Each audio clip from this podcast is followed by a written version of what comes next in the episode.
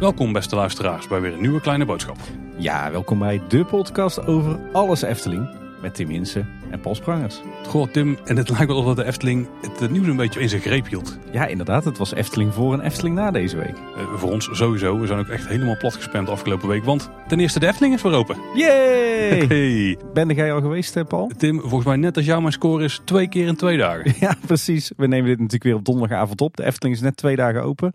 En wij zijn allebei en woensdag en donderdag in het park geweest. Hè? Ja, maar daar hebben we het straks nog even over. Ja. Want er is nog veel meer nieuws en daar wil ik eigenlijk heel snel naartoe. Want de wereld van Simbad is open. Yay! Er is enorm veel aan bouw- en onderhoudswerkzaamheden in het park bezig, Tim. Pff, het is echt een bende eigenlijk. Het park staat op zijn kop, hè? Ja, inderdaad. En, en, Even roffelen, even roffelen. ja, het zal niemand zijn ontgaan. Het hotel is officieel aangekondigd. En het spookslot, wat daarmee gaat gebeuren, daar weten we ook meer over. En er is uitsluitsel over Strookrijk. En er is een hoop nieuw onderhoud gestart in het park. Merchandise. Het, eh, het, het kan niet op eh, deze twee weken, Paul. Er eh, is enorm veel binnengekomen. Maar voordat we gaan beginnen, we willen er snel naartoe, maar er is één ding, daar willen we toch heel even bij stilstaan buiten het Efteling nieuws. En dat is een collega-podcast, Team Talk. Die hebben 200 afleveringen uitgebracht. Ja, heren. Gefeliciteerd met eh, jullie 200ste aflevering. Ja, van harte gefeliciteerd. En ook heel erg tof, want de 200ste aflevering is opgenomen in een zwembad in Dubai. Want het was aan het einde van de Team Talk Tour. En ik heb die eh, ja, toch wel met enige FOMO eh, zitten volgen via Instagram. Want daar plaatsten heel veel mensen stories die mee waren. Ik ben ook een, een hoop meer mensen gaan volgen in de week dat die reis plaatsvond. Terwijl jij bent zelf nog op vakantie geweest die kant op. Ik ben dus alleen in Abu Dhabi geweest. Dus het hele Dubai stuk heb ik gemist. En vooral toen ze die kant op gingen, dacht ik echt van... Oh, dat was toch wel mooi geweest, ja. Nou, ik, als ik naar mezelf kijk, denk dat ik nog liever naar Nova Zembla op vakantie zou gaan dan naar Dubai of Abu Dhabi. Maar Maar in de winter is dat prima, want dan is het daar een graad of nou, tussen 20 en 25. Dat is toch nog, een nog beetje... te warm, Paul. Nog te warm, ja? Oh, nee, dat is wel bij mij al een beetje de ideale temperatuur. Maar heren, gefeliciteerd. Ja, en op naar de 256 afleveringen zou ik zeggen. Net zoals wij. We staan nu aan het begin van die Ja, dat is waar. Maar ik denk dat, dat deze aflevering wel goed gaat komen. Gezien eh, het, eh, het eh, dubbel dikke draaiboek wat ik hier voor me heb staan. Ja, de vraag is of onze SD-kaartje het ook gaat volhouden. Maar daar komen we zelf achter. We kunnen 3,5 uur opnemen, hè? Nee, 30 uur nog. Ja, oké. maar we kunnen 3,5 uur publiceren. Maar dat, kunnen 3,5 dat gaan, we, publiceren, ja. gaan we onze luisteraars niet, niet aandoen. Drie uur is eh, lang zat. Ja, geen follow-up, want we gaan meteen door naar de hoofdonderwerpen. Want 24 januari is bekend geworden dat het nieuwe hotel er echt aan gaat komen. Officieel bevestigd door de Efteling. En dat er ook een nieuw themagebied aankomt. Ja, en dat daarvoor het, eh, het spookslot moet, eh, moet wijken. Ja, dat was nogal een dingetje. Ja, want we hebben natuurlijk maandenlang eh, hebben we ons bezig gehouden met alle geruchten rond het Dwarrelpleinhotel en wat er nou wel of niet met het spookslot zou gaan gebeuren. En plotsklaps op maandagochtend vroeg was daar een enorm interview met Fons Jurgens in het Brabants Dagblad en alle AD-regiokranten. En een niet veel later ook een, een ja, toch wel redelijk uitgebreide blogpost. Maar eh, best verrassend dat ze in één keer zo op maandagochtend zo'n bommetje dropte en eh, de twee meest bediscussieerde geruchten in één keer bekrachtigde. Ik was daar best wel verrast. Ik was door de timing sowieso verrast, maar daar moeten we het daar misschien maar eens even over hebben. Want daar hadden we ook een vraag over gekregen. Maar zullen we eens even gaan kijken naar het spookslot. En dan eerst feitelijk, want er zat nog een flink staartje aan die aankondiging. Ja, zeg dat wel. Sinds die aankondiging eh, lijkt het in het hele land alleen nog maar over het spookslot te gaan. En ik had vandaag een paar teamsmeetings van het werk. En ongelogen waar, iedere teamsmeeting startte met een collega die begon over het spookslot tegen mij. Dus dat wil toch wel wat zeggen. Ook eh, hoe jij bekend staat binnen de organisatie, denk ik. Eh, ja, nee, zeker geen geheim. Nee, mijn liefde voor de Efteling. Maar even eerst feitelijk. Het spookslot wordt na de zomer gesloopt. Ja, is dat, was dat een, een traantje of? Dat was wel een... eh, Nee, we zouden nog even feitelijk Ja. blijven. Ja. Blijkbaar, tenminste dan melden Fons in de krant, het is het momenteel de slechtst gewaardeerde attractie van de Efteling. Kan ik me bijna niet voorstellen. Nee, het Kleuterhof hebben ze natuurlijk ook gewoon meegenomen in die Ja, rankings ja. Nou, maar dan nog steeds, als je daar dan net boven staat, zou het ook niet heel goed zijn. Eh, er komt uiteindelijk een geheel nieuwe overdekte attractie voor in de plaats. We weten verder nog niet wat dat gaat worden. En het budget voor die nieuwe attractie zou 25 miljoen euro zijn. Tenminste, daar gaat om het totale gebied wat ze gaan ontwikkelen. Want er komt ook een heel themagebied bij. Dus hopelijk met eh, wat eh, horeca. 25 miljoen is stiekem veel, hè? Dat is na Symbolica de, de grootste investering die ze hebben gedaan eh, op het gebied van attracties. Dat klopt, maar voor een nieuwe attractie en een heel gebied dat daarbij ontwikkeld wordt. Bij Symbolica was het afbreken van de brink zal er ook al bij hebben gezeten. En een deel van eh, de aanleg van het gebied dat eromheen zit. Ja, Symbolica was natuurlijk een, eh, of is natuurlijk een, een, een Dark Ride 2.0. Hè? Dus dat kost natuurlijk ook gigantisch veel. Aankleding van al die scènes, ritssysteem, animatronics. Ja, dat is waar. Maar laten we dan inhoudelijk daar wel gaan speculeren. Ja. We kregen ook een kaartje te zien van het, eh, van het projectgebied. Geldt overigens ook voor het hotel, maar daar hebben we dan straks even over. En daarbij eh, vond ik heel erg opvallend dat het gebied vrij groot is. Want Ja. eh, bij het spookslot wordt ook de entree van Fabula blijkbaar in het projectgebied meegenomen. Ik bedoel, Het was een gegasseerd kaartje met een beetje een wazige rand. Maar die kon toch wel redelijk de contouren aflezen. Dat betekent dat het gebied een beetje begint bij de Producepromenade. Dat dan de entree van Fabula er ook bij zit. Dus ik denk dat we gedag kunnen zeggen tegen die dierenrotsen die we daar als ingang nu hebben. Eh, ook een klein deel van het heksenpad. En dan het stuk wat het verste weg ligt van Symbolica, om het zo even uit te drukken. Ja, eigenlijk zou je kunnen zeggen als je nu het, het heksenpad oploopt vanaf het, eh, het voorplein van het spookslot, dat, het, eh, dat als je op een gegeven moment op het, het pad staat, dat het rechterdeel van het bos, zeg maar aan de kant van het spookslot, dat valt wel binnen het projectgebied. Ja. En het linkerdeel van het pad, zeg maar het, een beetje het open bosgebied richting wat vroeger de brink was, dat valt buiten het projectgebied. Ja, ja inderdaad. Ja. Dan ook het plein aan de achterkant. Dus dat is eigenlijk het Witte Walvisplein en eh het horeca en alles wat daar zit. Eh, dus ook Matroos Gijs. Hmm. Eh, en zelfs een klein stukje van het Piranhaplein met in ieder geval Silent Fregat. Het Silent Fregat zal toch niet meer weggaan. Dat is zo'n mooi winkeltje. Ja, maar ja, wie weet wat we er voor moois voor terugkrijgen toen. Dat is waar, maar het is wel echt zo'n het- typisch simpel Eftelings horecapuntje. ja, en er stond er ook wel ooit een typisch simpel Efteling toiletblok. En die is al weg. Ben bang dat dit de volgende is wat gaat sneuvelen. Het lijkt in ieder geval vrij duidelijk ingetekend te zijn. Dan nemen ze een deel van het heksenpad in beslag, maar ook nog die strook groen die daar dan eh, langs de spiegel aan ligt, totdat die uitkomt op ja, achter Matroos Gijs eigenlijk. Ja, ja, ook een stukje spiegel aan zelf. Hè. Eigenlijk vanaf eh, de uitgang van het heksenpad eh, tot aan Matroos Gijs inderdaad. Dus een flink gebied. En we ze hebben nog één ander detail prijsgegeven. De capaciteit van de nieuwe attractie zou 1250 bezoekers per uur zijn. Is, is niet per se heel veel, toch? Eh, Het is, is niet superveel, dus houdt een beetje bij de, ik denk, bovengemiddelde capaciteit attracties van de Efteling liggen. Maar nog wel onder de, de dark rides. Ja, symbolica is het misschien ook wel ongeveer op dat niveau. Want tenzij ze echt lekker doordraaien. Maar het spookslot zelf had maar een capaciteit van 1000 personen per uur. En die stond zelden vol, dus ze verwachten wel dat dit een flinke capaciteitsboost gaat geven aan het park. Ja, maar ik vind het toch, eh, toch, toch weinig als je het vergelijkt met de capaciteit van een Fata, van een Droomvlucht, van een Carnaval Festival.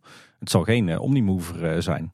Nee, dat denk ik sowieso niet. Want ik denk dat dan het budget ook wel hoger zou moeten liggen. Zeker als daar gebiedsontwikkeling bij zit. Maar wat bijvoorbeeld zou kunnen is dat dit een attractie is voor een iets oudere doelgroep. En dan heb je misschien ook iets minder capaciteit nodig. Want het zit wel boven de nou, bijna alle achtbanen die ze in het park hebben. Ja, ja dus, dan wordt het, dus dan wordt het hoogstwaarschijnlijk geen continu lader, zoals een, eh, een Dark Ride dat is, maar meer een intervallader. Nou, een kleine tip van de sluier. Ik denk dat we hier een soort Villa Volta Plus Plus gaan krijgen. Maar die leg ik daar ook wel even uit. Ik wou net zeggen, op wat voor manier doe je dat, Paul? Dat, dat kan ik op heel veel verschillende manieren uitleggen. Ik denk dat alle manieren eh, geldig zijn in dit geval. Nou, dat is een behoorlijke eh, teaser, Paul. Ik wil er dadelijk meer van weten. Maar laten we dan nog even teruggaan naar, eh, naar de, de berichtgevingen. Ja, want het spookslot gaat dus verdwijnen. Dat betekent ook dat er een afscheid gaat komen. Volgens de webcare zal het eh, in de zomer zijn. Exact de datum nu wordt later bekendgemaakt.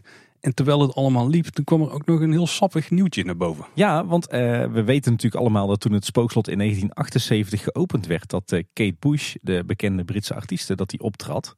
En eh, volgens mij, dankzij berichtgeving in het, bij Omroep Brabant, is het nou zover dat ze gaan proberen om Kate Bush ook bij de sluiting van het spookslot te laten zingen. Destijds was ze 19, nu is ze 63. Eh, dus dat is nogal een verschil. En de Avro Tros die schijnt nu al te kijken naar de mogelijkheden om eh, bij die eh, sluiting van het spookslot ja, Kate Bush weer te laten optreden. En ook daadwerkelijk dan vervolgens een tv-registratie van te maken. Ah ja, daar zit er natuurlijk achter. Maar volgens mij is nog wel echt een, een idee in de allerprilste fase. Want Avrotros zegt zelf, we hebben het idee in overweging. Maar er zitten veel haken en ogen aan. Ze moet zelf natuurlijk enthousiast zijn. En het is ook nog onduidelijk wat de coronamaatregelen tegen de tijd toestaan. Maar we kijken naar de mogelijkheden. Zou wel heel tof zijn hè, als ze dit voor elkaar krijgen. Het heeft natuurlijk wel een enorme symbolische waarde. Dat zou een mooi sluitstuk zijn. ja. En eh, ook best wel opvallend eigenlijk dat de Efteling nu al eh, in de verschillende media aangeeft dat er dus daadwerkelijk een ceremonieel afscheidsmoment gaat zijn. Want dat hebben we natuurlijk bij een heel aantal van de attracties die hiervoor verdwenen, denk aan een Monsieur Cannibal, denk aan een Polka Marina, niet gehad. En bij het spookslot kiezen ze er dus wel voor om echt een eh, formeel afscheidsmoment te organiseren. Nog even doorgaan trouwens op Kate Bush. Want die heeft natuurlijk ook een grafsteen gekregen bij de attractie. Ook ter ere van de opname van de clip toen. En die grafsteen, daar zoekt de Efteling een nieuwe bestemming voor. Zijn ze misschien een beetje vroeg mee? Ja, de Efteling schreef in eerste instantie zelf dat ze dachten aan eh, een museum of misschien een andere bijzondere plek waar de zerk tot zijn recht zou, eh, zou kunnen komen. Eh, maar inmiddels blijkt dat er ook enorme interesse is vanuit de fans. De Efteling is al door tientallen fans benaderd. Uh, Kate Bush zelf die heeft nog niks van zich laten horen, dus zoals we al zeiden. Uh, en de Efteling gaf ook aan dat er mogelijk verschillende onderdelen van de attractie te zijn tijd naar het Efteling Museum gaan of naar het, het eigen erfgoeddepot. Maar op zich is die grafsteen of die zerk wel interessant. Want ik zie daar heel veel over terug in verschillende media. Bij Omroep Brabant, bij RTL Nieuws. En dan gaat het iedere keer over een betonnen of een natuurstenen zerk die in de tuin van het spookslot staat. Maar dat is natuurlijk helemaal niet waar. Want die grafsteen van Kate Bush die is gewoon van piepschuim gemaakt. Uh, die heeft lange tijd uh, is die niet in beeld geweest. En inmiddels uh, staat die in de hoofdshow onderin bij de viool. En die is eigenlijk helemaal niet zo mooi. Dus als je dan toch een, een, een reliquie wil of een, een overblijfsel van het spooksel, zou ik zeker niet voor de grafsteen van Kate Bush gaan. Nee, die grafstenen buiten zijn wat dat veel mooier. Nou, het nieuws ging als een lopend vuurtje en heel veel media nam contact op met de Efteling. Dus uh, onder andere onze bekende woordvoerder Steven die heeft een hoop interviews moeten geven. En als je daar een beetje tussen de regels doorleest, want het is nergens echt concreet bevestigd, maar dan kunnen we toch nog wel een paar extra details afleiden. Want het lijkt erop dat het nieuwe themagebied wel het spookthema gaat houden. Daar werd uh, redelijk duidelijk op gezinspeeld. Ja, uh, zowel in het interview met Fons uh, als Steven die ook op de radio de woorden uitsprak. De spoken van het slot blijven nog wel even rondspoken. Dat moet langer zijn dan alleen de zomer Ja, precies. Maar ook Dans Macabre zou behouden blijven. Ja, en wat uh, ook nog duidelijk werd in het interview met Fons. Hij zei het wederom niet met zoveel woorden. Maar de doelgroep van eh, de nieuwe attractie die het spookslot gaat vervangen... zou al eens meer de wat oudere jeugd kunnen zijn. Want de vraag vanuit de krant was... allerlaatste toevoegingen die waren meer echt voor de jonge kinderen. Dus de volgende wordt weer voor de jeugd. En toen zei Fons, dat zou een logische aanname zijn. Ja. Dus ja, dat is wel duidelijk denk ik. Ja, en wat gebeurde er toen, Paul, na die maandagochtend dat het uh, nieuws naar buiten kwam? ja.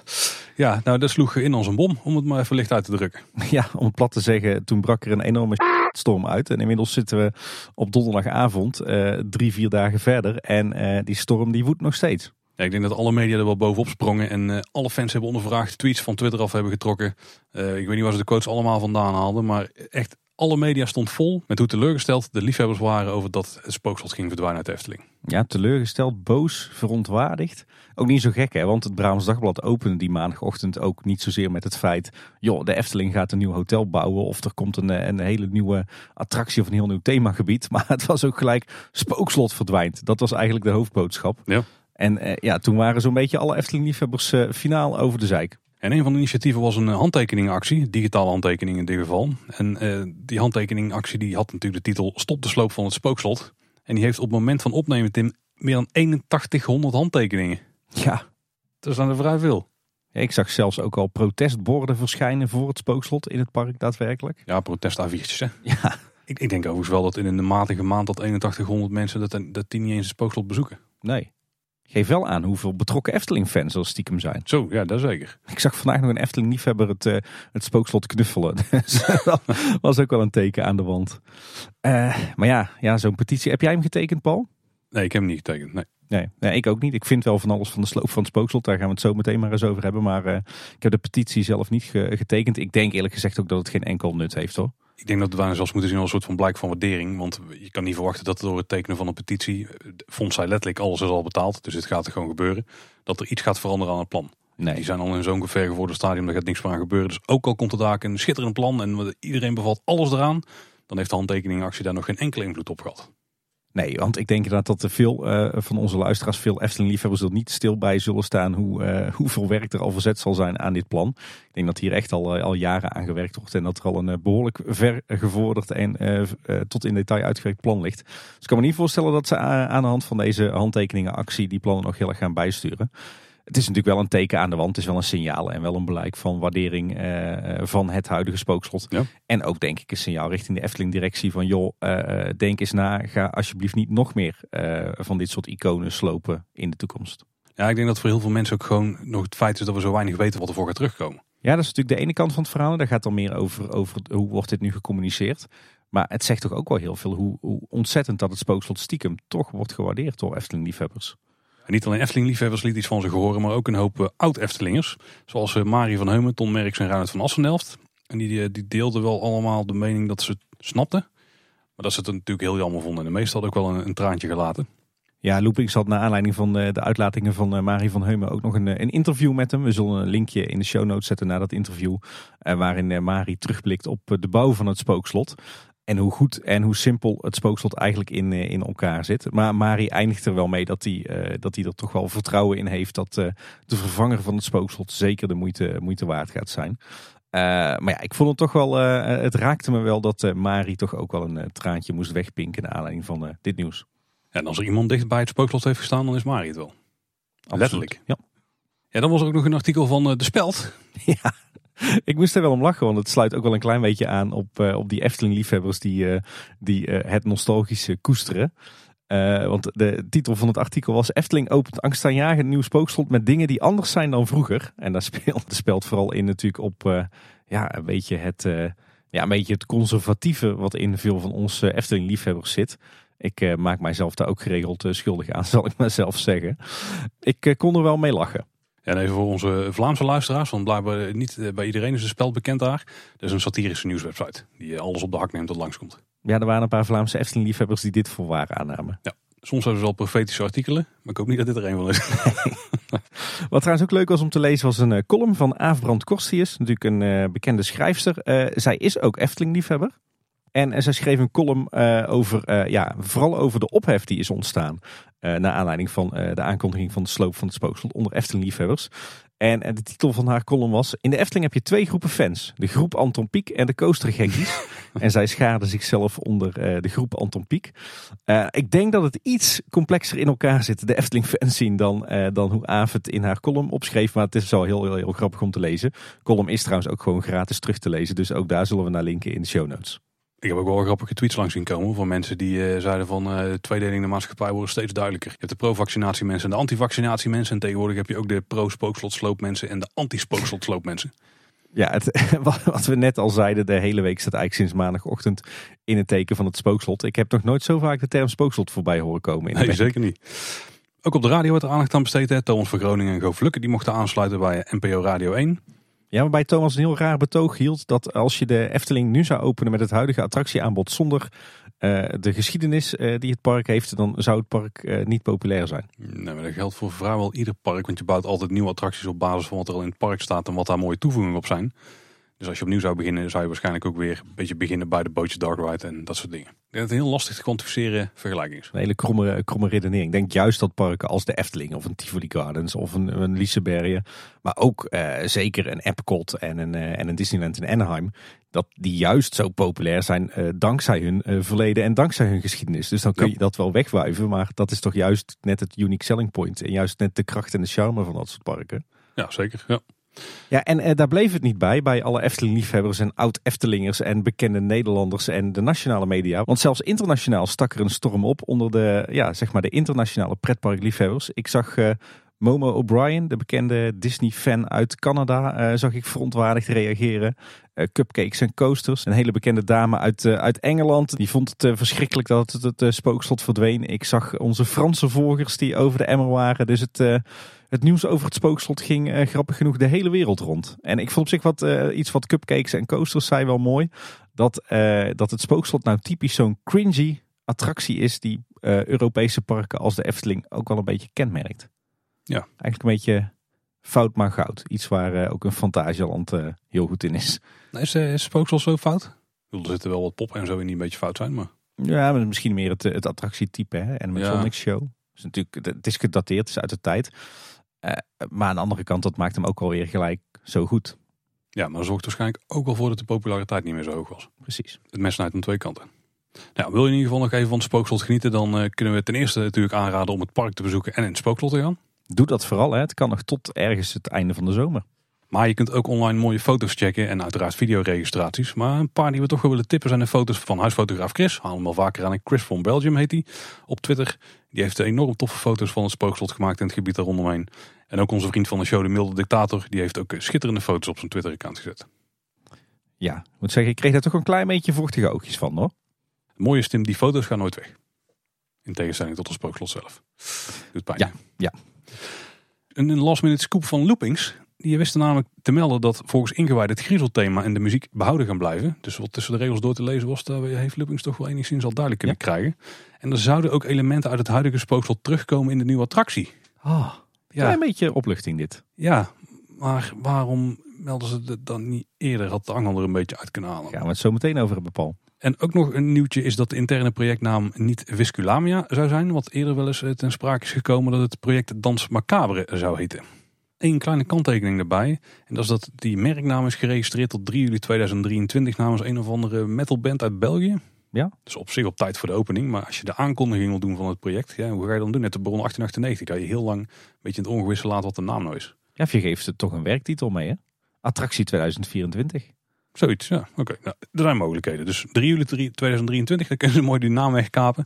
En dan op 4 juli dan dus. Dan zou het goed moeten komen. Ja, dus het is even een heads-up voor de juridische afdeling van de Efteling. Ga vast achter die merknaam aan. Ja, als dat in ieder geval de titel moet gaan worden natuurlijk. Oh, ze hebben dat nog niet gemeld, hè? Maar uh, het, de nieuwe attractie, het nieuwe themagebied, opent in 2024.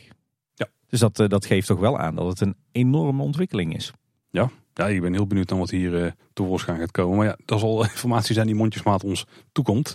Dan wel via loopings, dan wel via geruchten, dan wel via de Efteling zelf. Laten we hopen vooral heel snel via die laatste. We hebben zelf ook een beetje gepolst hoe de liefhebbers er nou tegenover stonden. En we hebben op Instagram in dit geval een poll geplaatst. Daar hebben we 750 stemmen op gehad. En de vraag was eigenlijk heel simpel. Hoe sta jij tegenover de aankondiging van het nieuws rondom Spookslot? En uh, toch 59% van uh, de mensen die ons in ieder geval daar volgen, die reageerden daar positief op. En 41% negatief. Dat waren de enige twee opties. Ik kreeg ook wel veel berichten van mensen die zeiden, ja, ik zit er gewoon precies middenin. Ik ben vrij neutraal. Ik ben gewoon heel benieuwd wat er gaat komen. En dan kan ik pas echt er iets van vinden. Maar het is overwegend positief nog. Dat verraste mij. Nou, nou zit ik zelf niet op Instagram, maar alleen op Twitter. En daar was het teneur toch wel heel wat anders dan dit hoor. Ja, ik denk dat daar 80% negatief was en 20% positief. Ja, 80% van de dingen die je hebt gezien. Maar dat is natuurlijk niet van de mensen die hebben gereageerd. Nee. Dus ik denk dat daar nog wel een groot, dat het weer een vocale ja, minderheid weet ik niet of dat het is. Maar het zit nog redelijk dicht bij elkaar eigenlijk. In ieder geval, de, de, de negatieve groep die moest dat zeker even laten merken. Ja. Hey Paul, nou hebben we het uh, over gehad wat we de afgelopen paar dagen feitelijk over ons heen hebben gekregen. Wat betreft het spookslot. Maar hoe denken we er nou eigenlijk uh, zelf over? Nou, we weten dat dit echt gaat gebeuren. Nou, vrij veel. Nou, daar gaan we Tim. In de basis vind ik het heel jammer. De, het is gewoon heel duidelijk. Spookslot is een mooi stukje historie in de Efteling. Qua attractie is het ook een, een mooi rustpunt. Hè? Het heeft een mooie wachtrij. Dan kom je echt heel, heel goed in die toffe sfeer die er hangt. En die ook vrij uniek is binnen het park. Ik bedoel, er zit op veel plekken wel een donker randje aan. Maar zoals bij Spookslot, daar hebben we verder nergens. Ik vind de show zelfs ook vrij stijlvol eigenlijk. Uh, het is heel rustig, maar. Er gebeurt eigenlijk niet eens superveel. De muziek vertelt voor een groot deel het verhaal. Het beweegt van alles. Nou, de, is op zich trouwens wel gunstig zat naar de rand aan te denken. Maar heel veel van die animatronic en van die bewegingen zijn vrij krakkemikkig. Maar dat past natuurlijk goed, omdat het allemaal lijken zijn en demonen en zo. Waarvan je niet verwacht dat ze super soepeltjes bewegen. Dus wat dat betreft, goede match van techniek en, uh, uh, en de sfeer die ze willen neerzetten. Ja, en Mari die vertelde daar nog over in zijn interview met Loopings dat daardoor het spookslot eigenlijk ook heel erg onderhoudsvriendelijk is. Omdat het allemaal zulke simpele bewegingstechnieken zijn met gewoon een, een motortje en een touwtje en een katrolletje en een lagertje en het werkt. Nou, het voordeel is dat als er iets kapot gaat, dan heb je in ieder geval niet heel veel nodig om het te fixen. dus daar snap ik zeker, ja. Ik denk dat Spookslot qua intensiteit ook wel een mooi is in het palet van de Efteling, zeg maar. Want je hebt ja. natuurlijk de coasters die gaan heel hard. Dan hebben we gelukkig ook de dark rides die in de Efteling nog wel vrij rustig zitten. En het Spookslot valt een beetje in diezelfde categorie. En zeker in de omgeving waar het nu staat, en met de Max Moritz in de buurt en een Piranha. Dat zijn toch wel de iets meer intense, nou ja, Max Moritz, maar het zijn wel de intensere attracties. En hier kun je echt even gewoon stilstaan, rustig kijken. Focussen kan gewoon één kant op liggen. Dus wat dat betreft, ja, heel jammer. Wat we ervoor gaan terugkrijgen, ik verwacht niet dat het aan al die punten gaat voldoen. Nee. Uh, ik denk niet ook dat het meer van deze tijd is. Dus wat dat betreft, ja, mogen we van geluk spreken dat het Sprookjesbos nog hebben, waar we wel een aantal van die niet qua sfeer, maar wel, wel een aantal vergelijk, gelijksoortige shows zeg maar, hebben. Zoals de Indische waterlelies, maar ook het meisje met de zwavelstokjes. Maar er zijn ook wel heel veel maren rondom die attractie. En dat is uiteindelijk ook de reden dat hij zoals hij nu is, gewoon niet meer zou kunnen blijven bestaan binnen het park. En dat het geen logische keuze is om hem te houden. En dat snap ik ook helemaal. Dus de beslissing die uiteindelijk is genomen, daar, uh, daar kan ik wel bij. Ja, en waarom? Ik denk dat er een paar redenen zijn. De eerste is gewoon het brandgevaar van de attractie. Uh, dus publiek geheimen, dat, dat dat niet helemaal in orde is. Ik heb wel eens gehoord dat de reden van die glazen platen is dat uh, waar je doorheen kijkt, dat die daar zo lang blijft staan. Want die zouden enigszins uh, vlam, vuurzee remmend kunnen zijn. Nou, ik weet niet hoeveel daarvan waar is, want volgens mij is het enkel glas en dat klopt echt zo als daar weer hitte bijna. Nee, nee, nee, nee. Het is, het is brand, uh, brandvertragend glas. En het houdt, ik, volgens mij, als ik het goed heb opgevangen, 60 minuten de vlammen tegen. Oh, dat is nog vrij serieus. Nou, oké. Okay, maar in ieder geval, dat is een publiek geheim. Het brandgevaar van die attractie is gewoon relatief hoog. Als daar ooit een keer iets gebeurt, dan zijn we het gewoon meteen kwijt. Dan is het een piraat in Batavia situatie, zeg maar. En dit is misschien heel tegenstrijdig met de dingen die de Efteling roept. Maar die attractie die is eigenlijk helemaal niet gebouwd voor de eeuwigheid. Dat is wat de Efteling natuurlijk al roept. Hè. We bouwen voor de eeuwigheid.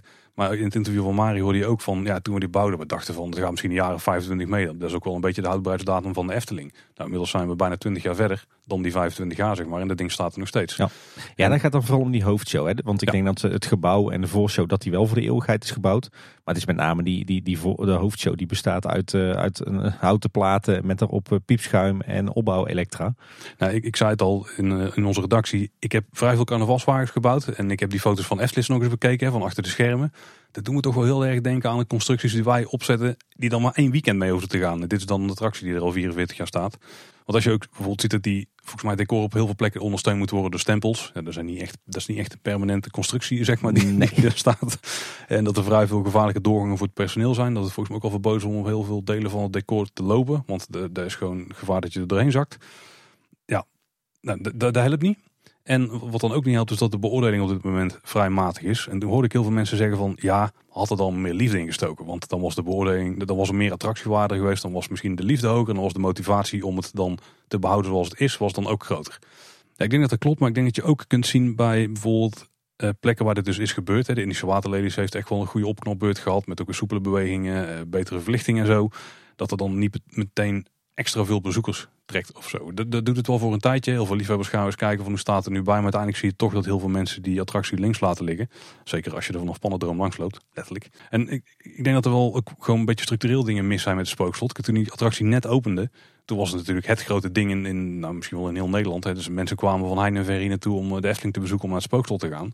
Alleen als je nu langs die attractie loopt en ook een beetje met wat mensen nu gewend zijn van een uh, attractiepark. Ik denk dat de ingang bijvoorbeeld al niet eens zo heel uitnodigend is. En dat heel veel mensen zelfs denken van, moeten we daar wel in? Is dat wel iets? Het, is niet heel duidelijk dat het een attractie is. Ik denk dat dat bijvoorbeeld ook niet meehelpt. Kijk, vroeger om die show gewoon varen op de befaamdheid die ze in het eerste decennia hadden opgebouwd. Maar ik denk dat is, dat is flink aan het afnemen gegaan in de afgelopen, nou, ik denk al 10 of 15 jaar. Vond het zelf wel over dat ze in 1990 er al over hadden van wat moeten we met Spookslot gaan doen. Dat is misschien al heel snel. Uh, en ik denk dat, dat de stage tegenwoordig veel minder aantrekkingskracht heeft dan iets met het ride systeem. En zeker een stage van een minuut of acht, zeg maar, hoe lang het nu duurt, in tegenstelling tot heel veel van de Sprookjesbos dingen. En ik denk wat heel veel mensen zich ook niet beseffen is dat als je die hoofdshow zou willen vervangen. Ik denk echt dat je tegen een geintje aan zit te kijken van wat nou toch wel echt op zijn minst een miljoen of zes zou kosten. Maar misschien wel eerder richting de tien. Ben ik misschien nog conservatief. Zeker als je die naar moderne maatstaven zou willen bouwen. Dus in plaats van wat houtje touwtje en uh, wat houten balkjes zeg maar. En je wilt vervangen door staal en beton. Nou dan tast maar diep in de buidel. Ja, en als dat dan het verhaal is waar je tegenaan kijkt als directie dan is de enige logische conclusie denk ik dat dit het resultaat is. Ja, ik zit er ook wel zo in hoor. Ik moet zeggen, toen dit nieuws naar buiten kwam. Nou ja, goed, het was voor ons natuurlijk niet, niet groot nieuws. Want we kennen deze geruchten al, al langer. Die gingen al uh, een aantal maanden, misschien zelfs al een paar jaar rond. Uh, maar toen dit nieuws naar buiten kwam dat het spookslot toch echt zou verdwijnen. Uh, en dat er ook keihard op papier stond dat het hele gebouw, de hele attractie gesloopt zou worden. Ja, daar werd ik toch wel even verdrietig van. En daar ben ik ook nog wel nog steeds. Want ja, weet je, het spookslot is gewoon echt een icoon voor de Efteling. Het is echt een, een attractie die esthetisch nog steeds van hoogstaand niveau is. Kijk naar het, de, gevels, de, buitenkant. Kijk naar die hoofdshow. Kijk naar de verschillende figuren. Kijk naar de muziek. Kijk naar de belichting. Het is allemaal esthetisch echt gewoon ontzettend goed. Nog steeds, ook in 2022. Uh, eh, het is natuurlijk ook een attractie met een enorme betekenis in de, betekenis in de geschiedenis van de Efteling. Het Spookslot was natuurlijk het grote keerpunt. Voor die tijd, voor 1978, was de Efteling ja, een regionaal park met een sprookjesbos en, en een roeivijver en een speeltuin en, en een carousel. Dat was het wel. Uh, en ja, het Spookslot was eigenlijk de allereerste echt grote attractie. Daarna volgde al snel Python, Halfmaan, Piranha. Nou goed, je kent het riedeltje wel. Maar het Spookslot was toch echt wel het kantelpunt in de geschiedenis van de Efteling. Dus in die zin heeft hij ook een hoge historische waarde. Het Spookslot is wat mij betreft ook echt zo'n attractie die de Efteling onderscheidt van andere parken. Juist ook omdat er minder tempo in zit. Omdat dat esthetische aspect zo belangrijk is. Het is een attractie met echt een ton van de Vent signatuur. Uh, die ook op heel veel punten nog teruggrijpt op dat Anton Pieck gevoel. Ja, het Spookslot is en blijft wat mij betreft echt een iconische Efteling attractie. Uh, waar ik zelf ontzettend veel goede herinneringen aan heb. En ja, het doet mij wel ontzettend pijn dat dat gebouw en die show en alle figuren erin uh, gesloopt gaan worden. aan de andere kant ik snap die afweging ook wel. Want ja, wat jij ook al zei, Paul, eh, er wordt al nou zeker twintig jaar uh, over die hoofdshow gezegd. Er moet iets gaan veranderen. Ik weet nog dat ik in, in het jaar 2000, 2001 heel actief was op Wonderchat. Nou ja, toen waren er ook al geruchten dat het spookslot zou gaan verdwijnen. Daar werd, werd toen ook met hand en tand bevochten door de Efteling-liefhebbers. Uiteindelijk kwam het er nooit van en waren we allemaal heel erg gerustgesteld. Maar toen, twintig jaar geleden, speelde al dat de hoofdshow zo brandgevaarlijk was dat hij eigenlijk weg moest. Kan je nagaan hoe lang dat ze dat nog hebben kunnen rekken? Ik heb ook heel veel mensen uh, gehoord die dus echt fel waren op de huidige directie. Van hoe kan je die maken en zo. Maar ja, ze zijn wel de directie die nou de knoop doorhakte. De rest heeft het gewoon maar steeds vooruitgeschoven. Ja. Vanuit iemand anders maar doen. Want dit zat er inderdaad wel aan te komen. En kijk, wij reageerden denk ik een stuk minder fel dan, uh, dan een aantal fans in ieder geval. Maar dat komt ook omdat het bij ons al een tijdje heeft kunnen inwerken. Bij ons lag het al in de week. Ja, en ik denk ook wat wij ook altijd proberen in onze podcast is het om het eh, te bekijken vanuit meerdere perspectieven. Hè. Dus uh, de vraag is ook in hoeverre speelt bijvoorbeeld de gemeente hier een rol in of de brandweer. Hè? Want zij hakken op een gegeven moment de knoop door of iets nog mag of niet. Kan best zijn dat de gemeente heeft gezegd van het is nu echt klaar, die attractie moet weg. Of sluiten, of je moet de hele hoofdshow vervangen. Nou ja, we weten dat, uh, dat er aan de buitenkant met de, met de gevel van alles mis is. Hè. Daar vallen stukken vanaf. Uh, we horen ook geluiden dat het gebouw constructief misschien niet meer perfect is. Uh, we horen uh, geluiden dat, dat er misschien wel asbest in zit. Dus kijk, als je ziet wat er allemaal mis is, wat er dan in ieder geval zou moeten gebeuren met het spookslot, als je het zou willen behouden, is de hoofdshow volledig vervangen.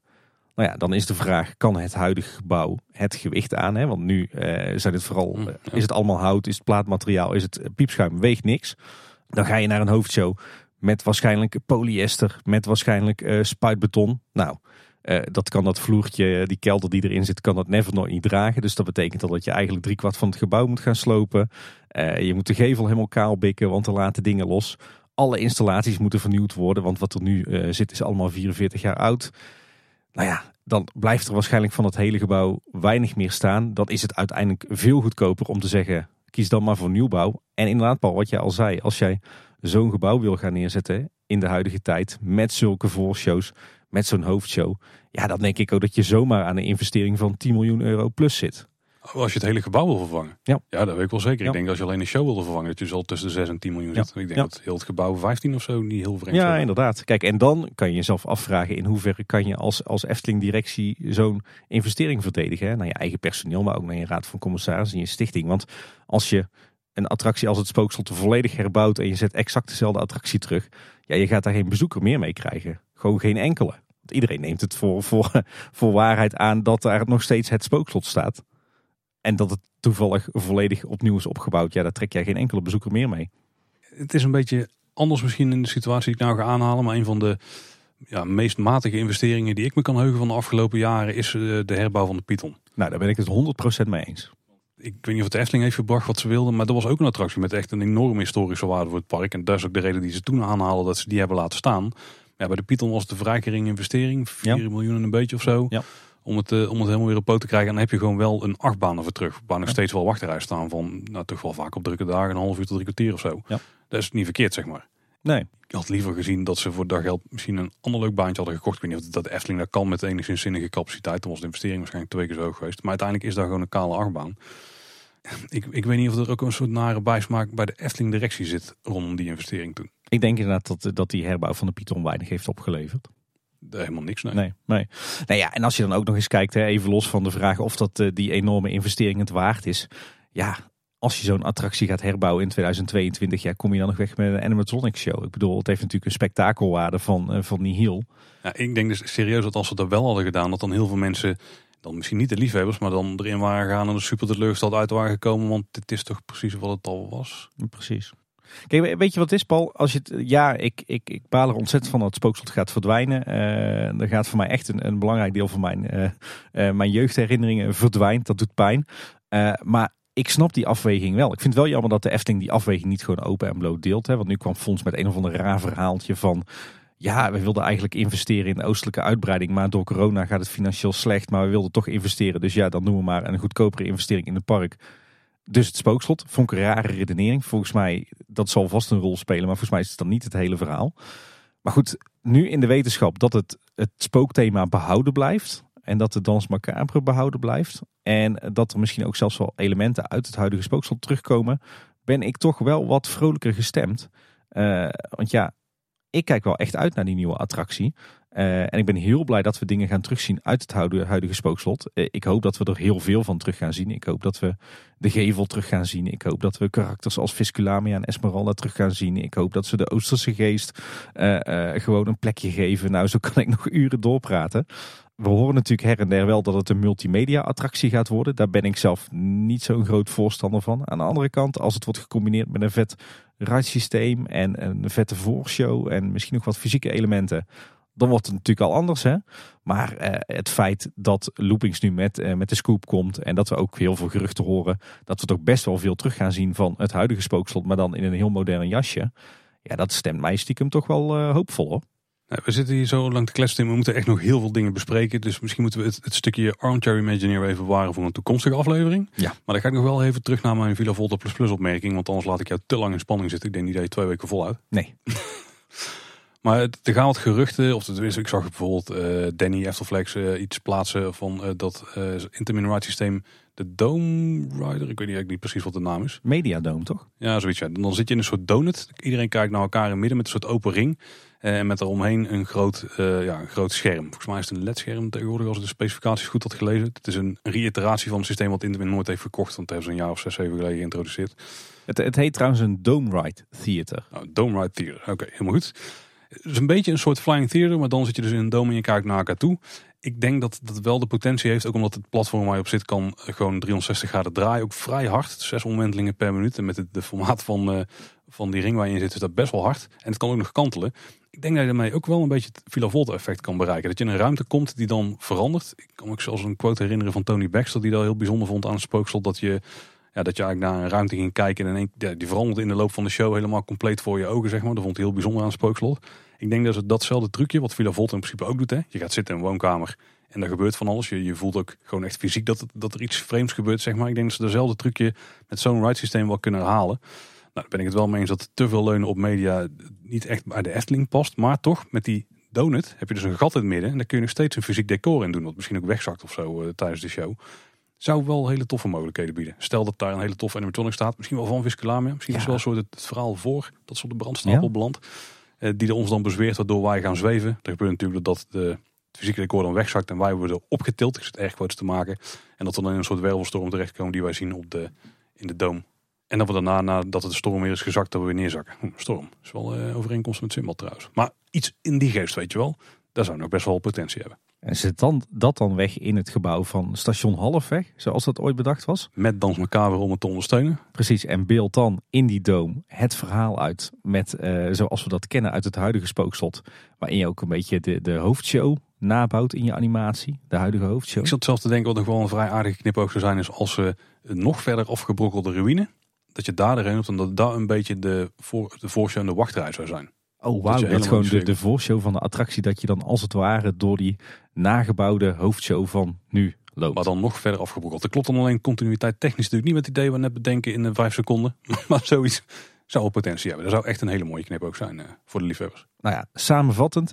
Ik ga nog steeds huilen als het spookslot gesloopt wordt. Ik hoop dat we een, uh, een stukje spookslot kunnen kopen voor thuis. Een mooi elementje.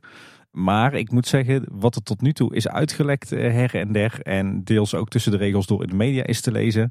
Uh, heeft de vervanger van het spookslot wel echt potentie. Uh, en hoe meer er behouden blijft van het huidige spookslot, al dan niet een modern jasje, hoe beter. Uh, en ik moet zeggen, het feit dat ze nu het, het, hele gebied in één keer aanpakken, dat stemt mij ook wel, wel bijzonder vrolijk. Dus ja, ik moet zeggen, ik, dubbele emoties hier. Met in ieder geval wat recentere toevoegingen die we in het park hebben gezien, is mijn stemming wel positief rondom dit project.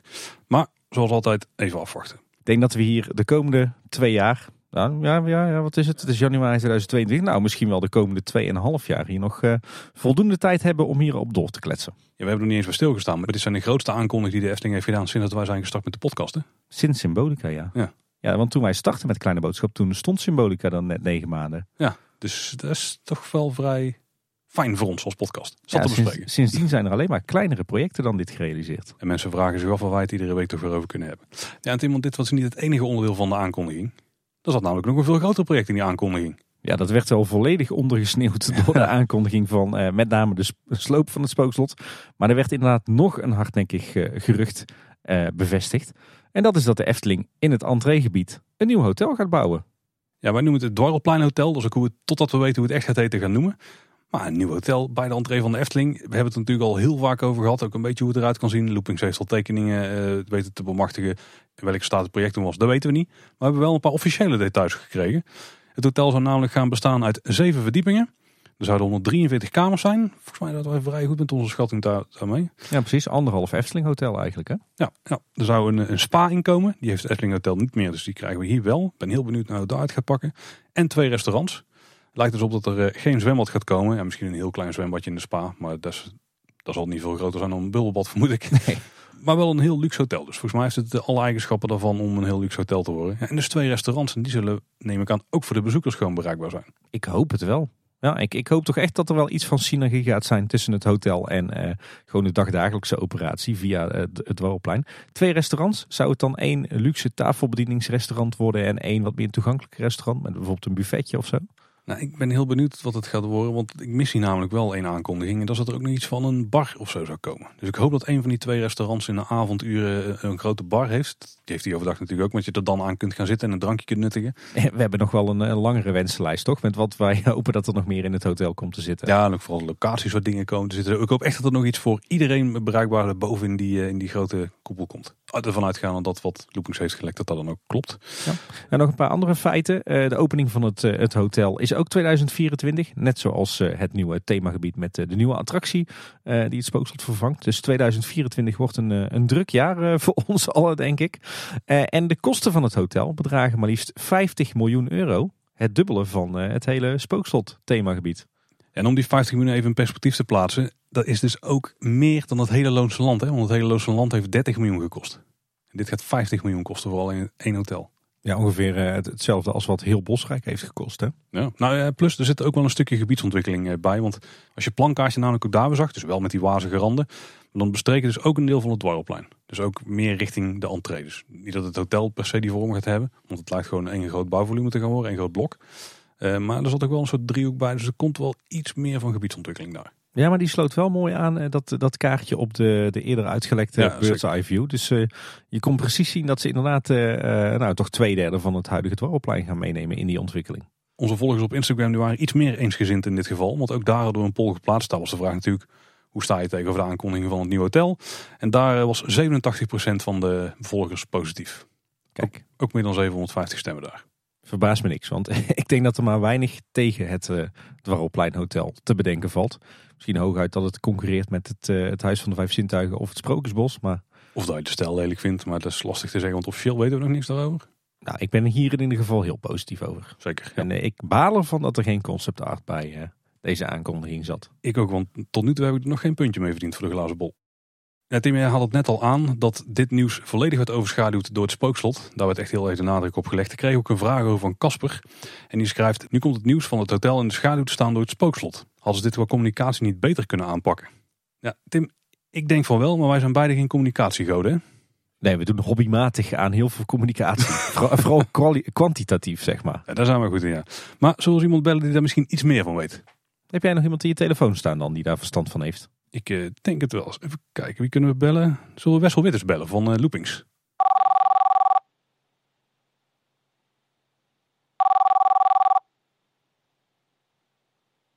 Dit wel lang Tim dat hij opneemt. Hij zal wel de, de tekening aan het bestuderen zijn van zijn Grand Circus Balancé. Ja, of misschien wel uh, de plattegrond van de nieuwe themawereld rond het project Trans Macabre. Zal hij die al hebben? Oh, daar is hij. Hey Wessel Wit, welkom in Kleine Boodschap. Goedenavond. Wessel, wij kregen een vraag van een luisteraar. Die vroeg zich namelijk af of dat de Efteling de communicatie rondom het spookslot en het hotel, want het hotel is vrij ondergesneeuwd in die communicatie, of dat ze niet beter anders hadden kunnen aanpakken. Ja, wij zijn natuurlijk twee communicatienoobs, maar jouw, uh, jouw werk is gewoon dingen communiceren. Denk jij dat ze dit beter hadden kunnen doen? Uh, ja, kort gezegd wel. Ik heb me wel verbaasd over de PR-strategie van dit uh, project tot nu toe. Misschien leuk om te vertellen hoe dat gegaan is. Uh, uh, want ik heb natuurlijk, het is niet voor het eerst dat we hierover horen, over dit uh, project. Het is niet dat ze vorige week in één keer met, met de aankondigingen kwamen, out of the blue. Die verhalen die gingen al veel langer. Jullie hebben het er ook al vaak over gehad. En in, in november kwam eigenlijk voor ons de zekerheid dat het echt 100% klopte.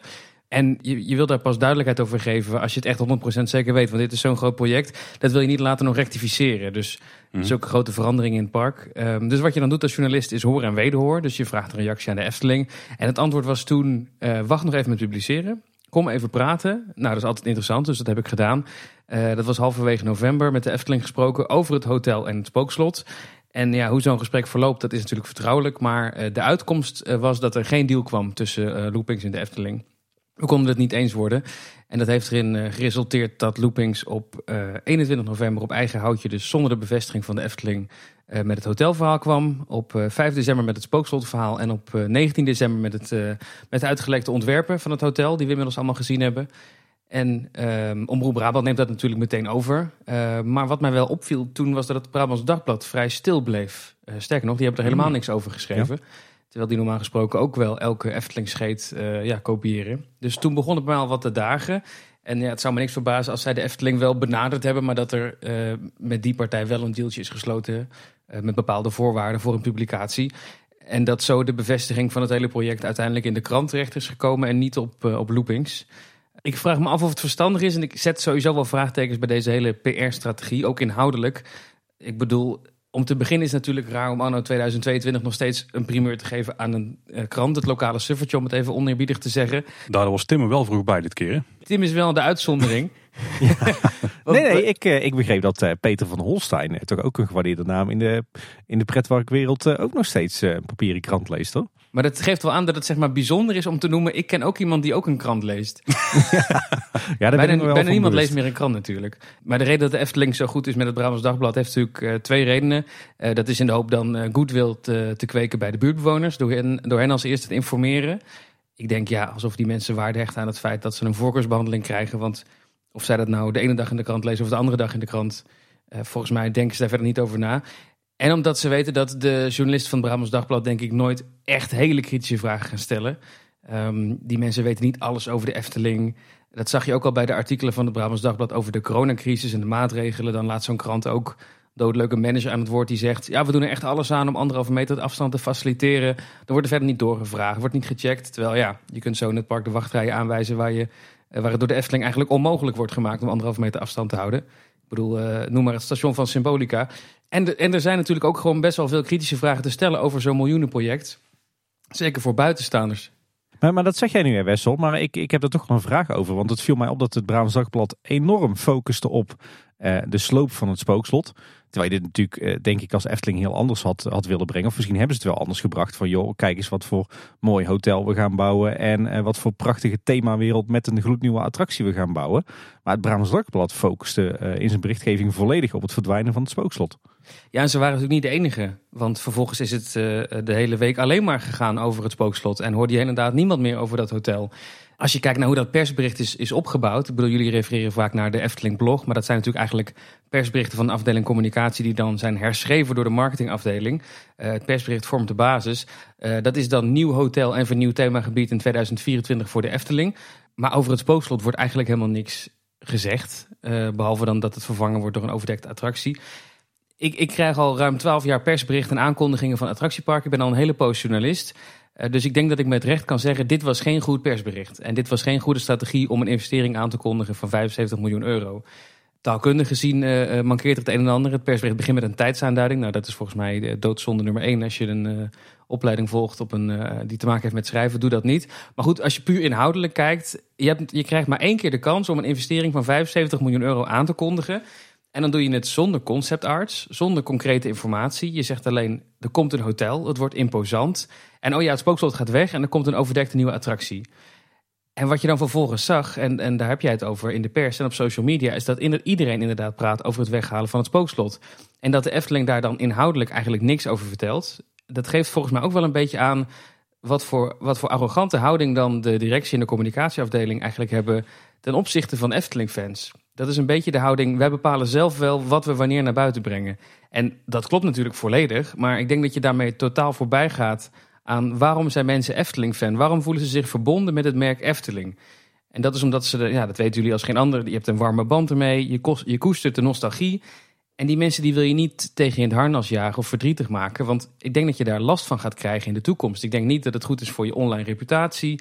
Uh, fans zullen op een gegeven moment niet meer uh, het voor je opnemen. Mensen die zichzelf nu als ambassadeurs zien, die, ja, die gaan de Efteling bij hun vrienden en familie misschien eerder openlijk afvallen. En dat is wel een beetje wat je veroorzaakt met zo'n bommetje dat je dan dropt door gewoon te roepen het spookslot gaat weg en verder geen extra uitleg te geven. Ehm, in eerste instantie was er ook geen woord over een eventueel afscheid. Uh, er wordt niks gezegd over wat het spookslot voor de Efteling betekend heeft. Hoe mooi het destijds was. Welke iconische medewerkers van wel eerder aan hebben gewerkt. De pioniers. Het was gewoon, het gaat weg. En dan vult Fons in het Brabants Dagblad nog wel aan. Uh, het was de slechtst gewaardeerde attractie. Dat is misschien feitelijk juist, dat weet ik niet. Ik kan me voorstellen dat het diorama misschien nog slechter scoort. Of de Game Gallery.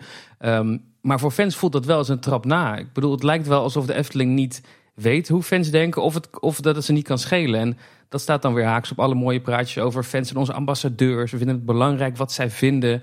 We willen ze betrokken houden. Volgens mij is dat een enorme inschattingsfout geweest. Om nog maar te zwijgen dat dus inderdaad niemand het over het hotel heeft van 50 miljoen. Dan krijg je als communicatieafdeling na twee ellendige coronajaren twee projecten in je schoot geworpen van in totaal 75 miljoen euro. En dan is dit het resultaat. Dan heb je boze fans, teleurgestelde Nederlanders, een petitie tegen de beslissing uh, die viral gaat en een, uh, en een ondergesneeuwd hotel. Ja, ik snap ook niet helemaal waarom ze het op deze manier hebben gedaan. Omdat je hebt twee projecten. Ik denk dat ze tegelijk aankondigen, omdat het hotel, daar gaan we iets eerder dingen van zien. Maar ja, dat er dingen bij het spookslot staan te gebeuren, weten we inmiddels ook wel met de, de nieuwe asfaltpaden die er liggen. Maar daar hebben we daar nog even over. Nu je niks meldt over wat er als vervanger van het spookslot komt, want je weet gewoon dat er negatieve reacties op komen. Ik bedoel, kijk naar de Bob, daar zullen ze toch wel iets aan hebben opgestoken. Toen hadden we hetzelfde verhaal, alleen nu is het nog veel feller. Alleen als je iets al had meegegeven van dit komt er voor terug, dan had je misschien de angel er nu wel uit kunnen halen. had je een, een gematigd negatief eh, moment gehad. Ja, inderdaad. Maar nu ja, nu heb je een enorm negatief moment. En stel daar kom je met concept art en dat valt dan ook een beetje tegen. Dan krijg je nog een negatief moment, zeg maar. Als het iets compleet anders is, nou, dan gaan we er sowieso weer krijgen. Dan leidt er weer helemaal op. Maar als het nou ook wel iets, uh, iets is wat iedereen heel erg bevalt, dan heb je het op dat moment wel een positief uh, moment. je hebt een negatieve moment heb je ook gehad, terwijl je dat misschien had kunnen voorkomen. Ja, ja, ik had ook eigenlijk sowieso die onderwerpen inderdaad gesplitst. Dus kondig het hotel op een apart uh, nieuwsloom moment in het jaar aan. Dat had volgens mij prima gekund in november vorig jaar. Ja, zeker omdat het volgens mij de eerste keer was dat, uh, dat de Efteling uh, toch al nou, zeker een heel aantal weken bezig was met bouwwerkzaamheden. En er ook al verschillende vergunningen waren aangevraagd. Ja. Maar er was nog niks gecommuniceerd over die daadwerkelijke investering. Terwijl normaal gesproken krijgen we toch altijd wel een persbericht en een blogbericht voordat er überhaupt een, een schop in de grond eh, gaat. En vaak op het moment dat een vergunning wordt aangevraagd. Ja, en het moment dat het nu wordt aangekondigd is in dezelfde week van de opening van de Wereld van Simbad en de heropening van het park na een coronasluiting. Dus het botst nu sowieso al in de media-aandacht. Spookslot leent zich volgens mij ook prima voor een aparte aankondiging. Want was het dan niet beter geweest om inderdaad eh, een aantal maanden geleden volledig te focussen op dat hotel, zodat je dat hebt gecommuniceerd voordat je vergunningen aanvraagt en gaat bouwen? Uh, nu uh, in deze week juist te focussen op die heropening en die Wereld van Simbad. En te zeggen, joh, we wachten tot, uh, nou, pak een beet uh, juli, augustus. En dan kondigen we pas aan dat het spookslot uh, verdwijnt. Maar tegen die tijd weten we al wel precies wat we gaan maken. Dus dan laten we ook meteen volop zien wat we neer gaan zetten voor nieuwe attractie en nieuw themagebied. Met concept arts erbij, met een attractietype en, en ga zo maar door. Ja, volgens mij leent het spookslot zich daar prima voor. Ik bedoel, dat moet je heel secuur en voorzichtig doen, weten we nu. Dat had Efteling ook kunnen weten. Um, en nu we weten dat elementen uit het spookslot behouden zullen blijven met die kennis kun je volgens mij ook een prachtige teasercampagne opzetten uh, om de Efteling-fans nieuwsgierig te maken, maar niet boos. Ik zie zo voor me een filmpje van Jeroen Verheijen als zijn fantastische spookslot alter ego ijzige ijsbrand, dwalend door de struiken bij het spookslot, achter de grafzerken met een beetje rook uh, die daar hangt, komt hij langzaam dichterbij en hoor je mysterieuze geluiden, knipoogt hij in de camera. Een simpel filmpje, 15 seconden, is dan genoeg om die Efteling-fans helemaal gek te maken. Wat gaat er gebeuren? Maar dan zien ze wel dat de Efteling er uh, met respect mee omgaat. Uh, uh, met respect voor de historie. Moeite doet om de fans mee te nemen in het proces. Dat wordt ge gewaardeerd. Je kunt meer van die filmpjes maken. Je kunt hem door de, langs de geestenmode laten lopen. Gevolgd door een echte aankondiging met het persbericht. En dan hoef je echt nog niet te zeggen wat voor nieuwe attractie er komt, denk ik. Ik bedoel, natuurlijk wil je dat gefaseerd naar buiten brengen als PR-afdeling. Je wil meerdere mediamomenten. Maar je kunt dan in zo'n apart persbericht wel kwijt. Het spookslot wordt heel erg gewaardeerd, maar het is tijd voor vernieuwing. Er komt, uh, we gaan het doen op een Eftelingse manier. We gaan uh, trouw blijven aan de historie van het park. De stijl van Anton Pieck, Tom van de Ven. Je zult zien dat Efteling-fans het park dan gaan verdedigen in plaats van afbranden. Terwijl het project inhoudelijk niet verandert ten opzichte van wat het nu is. Het is dan puur de communicatie eromheen. Zouden ze nu misschien hebben gedacht, we wachten eerst even wat die lockdown doet. Misschien heeft die wel goed eten gegooid. Hè? Uh, maar dat ze ook dachten van, dan hebben we nu wat pers. En als we dan straks de concept art uitbrengen, hebben we weer wat pers, et cetera, et cetera. Alleen kan me nog steeds niet voorstellen dat ze dan niet hebben ingeschat dat er zo'n negatief storm kwam. Maar... Ja, volgens mij is dat inderdaad de gedachte erachter. En hebben ze even onderschat uh, wat voor reacties er allemaal zouden komen op het spookslot. Omdat misschien de mensen bij communicatie of in de directie denken dat de, heel Nederland hetzelfde denkt over het spookslot als zij. Namelijk, ja, het zal wel. Wij slaan hem altijd over. En dan blijkt er toch in één keer een enorm sentiment eh, voor te zijn voor zo'n attractie. Ja, dus eigenlijk een beetje een gebrek aan kennis van, eh, van de waarde eigenlijk van je eigen erfgoed. Ja, zo komt het wel over. En er zullen natuurlijk nog veel meer dingen meespelen. Ik bedoel, we weten allemaal dat er, dat er ook beslissingen genomen worden waar, eh, waar dingen meespelen die wij nu niet kunnen zien. Maar ja, leg het dan uit, zou ik zeggen. Ja, want wat zou jouw advies zijn? Zou jouw advies zijn, eh, eh, ben daar inderdaad terughoudend in? Of zou jij zeggen van nee, ga die hele kostenbatenanalyse met, met alle aspecten die je hebt meegewogen om tot deze beslissing te komen, leg die gewoon open en bloot op tafel? Nou ja, bij de Python hebben ze dat natuurlijk wel open en brood op tafel gelegd. En dat werd volgens mij wel gewaardeerd. Toen werd ook de vraag gesteld: waarom investeren jullie niet in een nieuwe achtbaan in plaats van het eh, eh, slopen en het opnieuw opbouwen van de oude? En dat kon, eh, konden Koen Bertens en Fons destijds volgens mij heel goed uitleggen. Dan denk ik ook dat zij heel goed kunnen uitleggen waarom het spookslot weg moet en waarom er iets nieuws moet komen. En op welke manier dat dan gaat gebeuren. Hey, wat zou jouw eh, advies zijn? Hoe, hoe moet de Efteling eh, de komende maanden nou communiceren rond het hotel en eh, rond het spookslot om dit weer een beetje glad te strijken? Ja, ik denk dat het nu zo snel mogelijk moet gaan gebeuren dat de Efteling ergens in de communicatie op een bepaalde manier, en dat kan ook heel subtiel, aan gaat geven dat het thema van het spookslot en de muziek van het spookslot en wat we allemaal zo mooi vinden aan het spookslot, dat dat misschien wel behouden blijft in een nieuwe attractie. En dan heeft, geef je eigenlijk nog heel weinig weg. Ehm, maar dan stel je wel de fans gerust. Volgens mij is het, is het toverwoord nu geruststellen. eh, Om, om nog meer schade te voorkomen. Nou, wijze woorden, denk ik. Ja.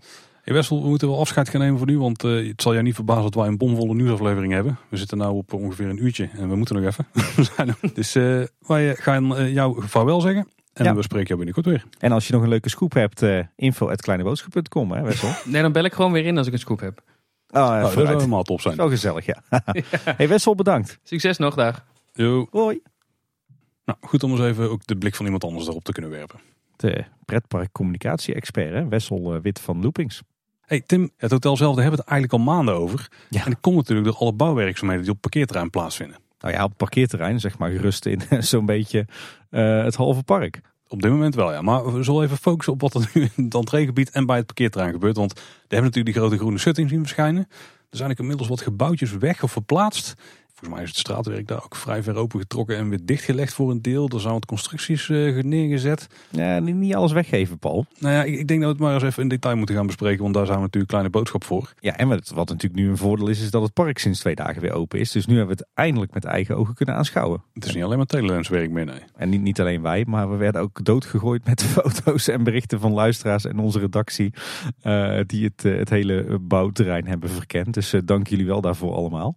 Maar voordat we het gaan hebben over de werkzaamheden die buiten plaatsvinden. eh, voordat de Efteling open ging, werden we ook toch wel eh, verrast met eh, nou eigenlijk zo'n beetje de eerste concept art van het Dwarrelplein Hotel. Ook zo, dat was ook nog deze week, hè? Ja, althans volgens mij vorige week. We maken Ja. natuurlijk deze nieuwsaflevering over het nieuws van de afgelopen twee weken. Want er waren twee aangevraagde vergunningen. Eentje voor het verplaatsen van een prefab toiletunit. Nou, zo heel duidelijk welke dat waren.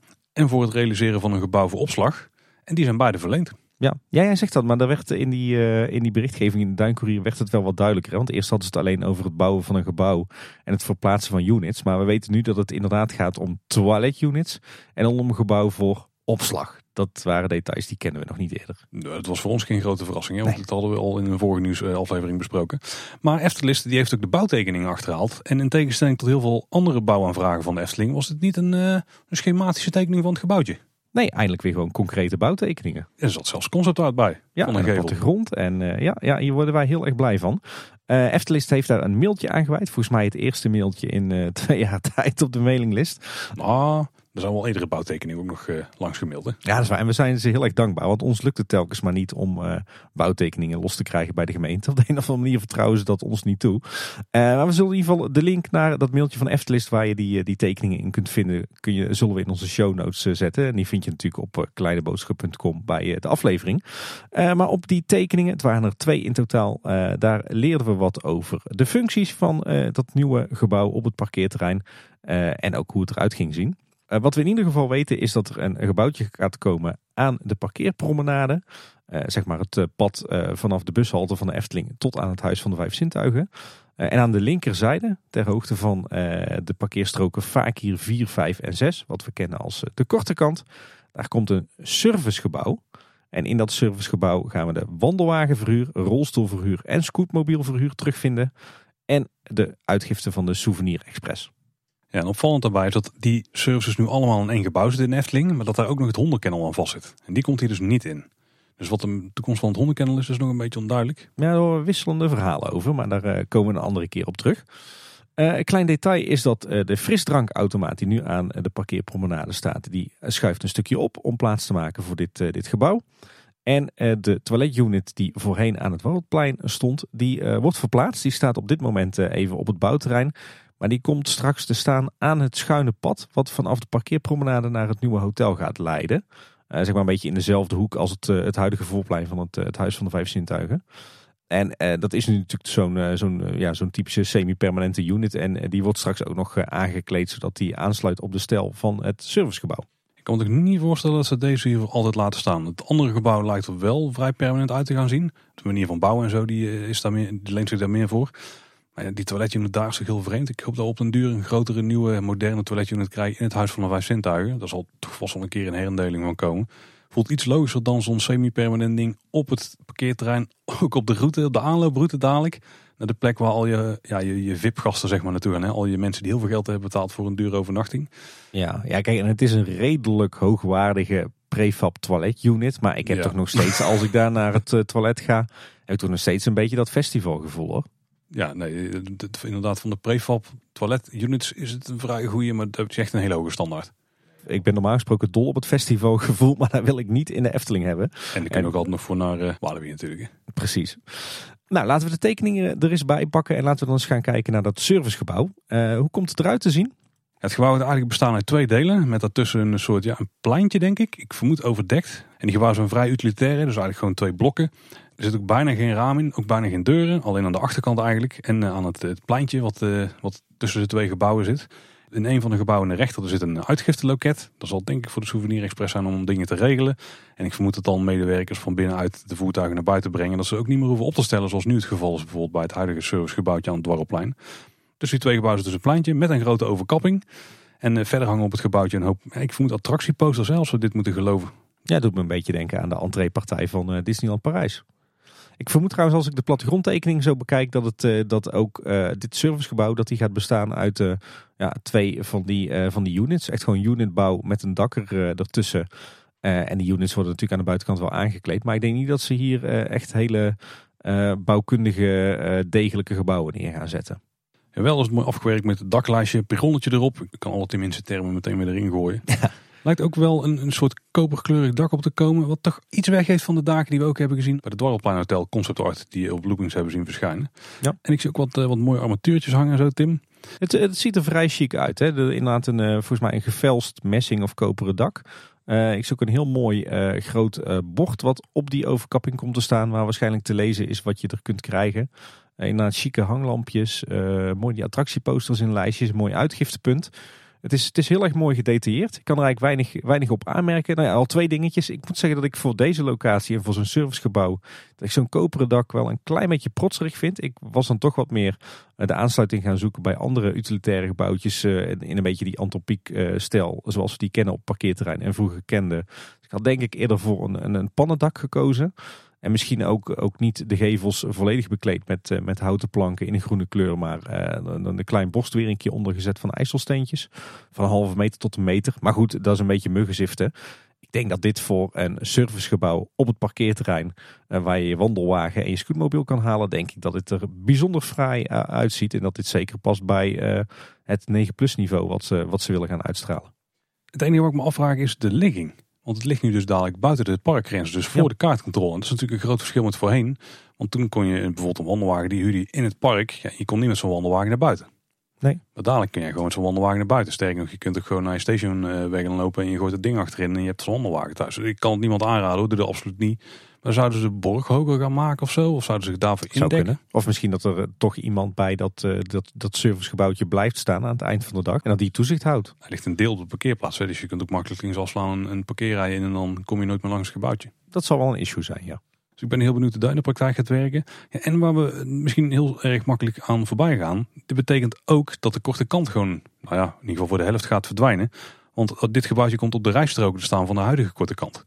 Dus daar gaan geen mensen meer achter parkeren, dat deel. Nee, maar we wisten toch eigenlijk al dat, dat de korte kant uh, ophoudt te bestaan. Ja, kijk, we verwachten dat een deel daarvan bij het Sprookjesbos wordt getrokken. En het komt overigens ook vrij mooi uit als je dit zo ziet. Want de huidige korte kant is nu al voor een deel in beslag genomen door het personeel, zeg maar. Die kunnen er ook parkeren. Ja. Dus er is een rijstrook vanaf het personeelsparkeerplaats die erheen gaat. En ook een fietsenstalling zit daar voor het personeel. Maar als je een beetje achter dat servicegebouwtje door zeg maar, een rechte lijn zou trekken naar het Sprookjesbos.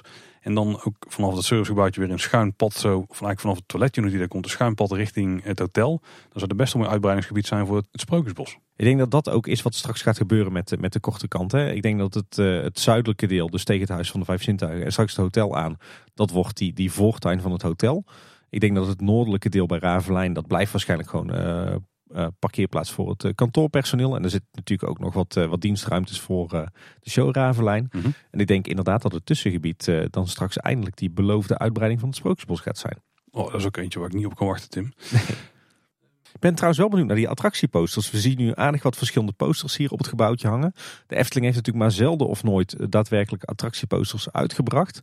Laat staan in winkels verkocht. Maar we weten dat er vaak achter de schermen toch wel attractieposters worden ontworpen. Die dan alleen worden uitgedeeld aan eh, de mensen die bijvoorbeeld hebben meegewerkt aan de bouw van eh, zo'n nieuwe attractie. Maar ja, wat mij betreft kunnen er niet genoeg attractieposters worden uitgebracht. Laat maar komen. Gooi ze vooral de verkoop. Ja. Een paar vragen die wij er nog wel bij hebben. Eh, Waarom zouden ze een afdak ertussen hebben gedaan? Ja, ik denk dat dat de plek is waar ze telkens een aantal wandelwagens en scootmobielen neer gaan zetten. Om die makkelijk te kunnen verhuren. En eh, zodra die dan opraken, dan halen ze uit de stalling eh, de rest. Ik vermoed ook dat ze gewoon hebben gecheckt bij het personeel wat daar nu werkt. Van wat zijn de dingen die je tegenstaan in het huidige gebouw. En ik, dat is altijd er wel een van zijn geweest. Van je moet naar buiten en dan loop je dus in de elementen. En met zo'n afdak is dat een stuk minder. Dan kun je in de regen ook nog prima van die eh, units uitdelen. Ja, en dan vooral die toiletgroep. Hè? Want de toiletgroep van het Dwarrelplein die verhuist dus dadelijk naar het, eh, ja, eigenlijk de oprijlaan van het nieuwe hotel. Ja, wat betekent dat voor de toekomst van de toiletten die nu nog in het Huis van de Vijf Zintuigen zitten? Want die raken eigenlijk overbodig omdat je al een toiletgroep voor de kaartcontrole hebt. Die ondanks dat die schaal is wel een stuk ruimer is. Ja. Eh, en waar komt dan straks die openbare toiletgroep op het Dwarrelplein? Want die is dus weg. Er is dadelijk dus geen toiletgroep meer na de kaartcontrole.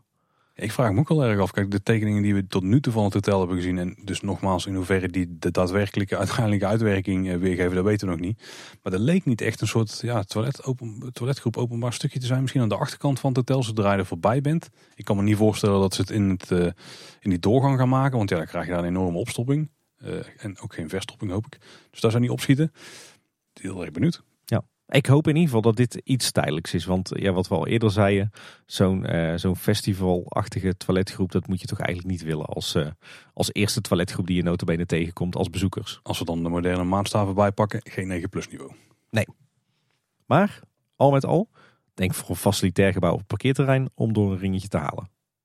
En we gaan het ook al vrij snel zien, want de vergunningen zijn verleend. En het ligt aan de rand van het bouwterrein daar. Staat op die plek nu een schutting. Zouden ze het vlak voor de schutting of achter de schutting gaan bouwen en dan de schutting daar weghalen op een gegeven moment? Dat denk ik wel, want we hebben natuurlijk eh, in de vorige nieuwsaflevering gespeculeerd over de planning en de fasering.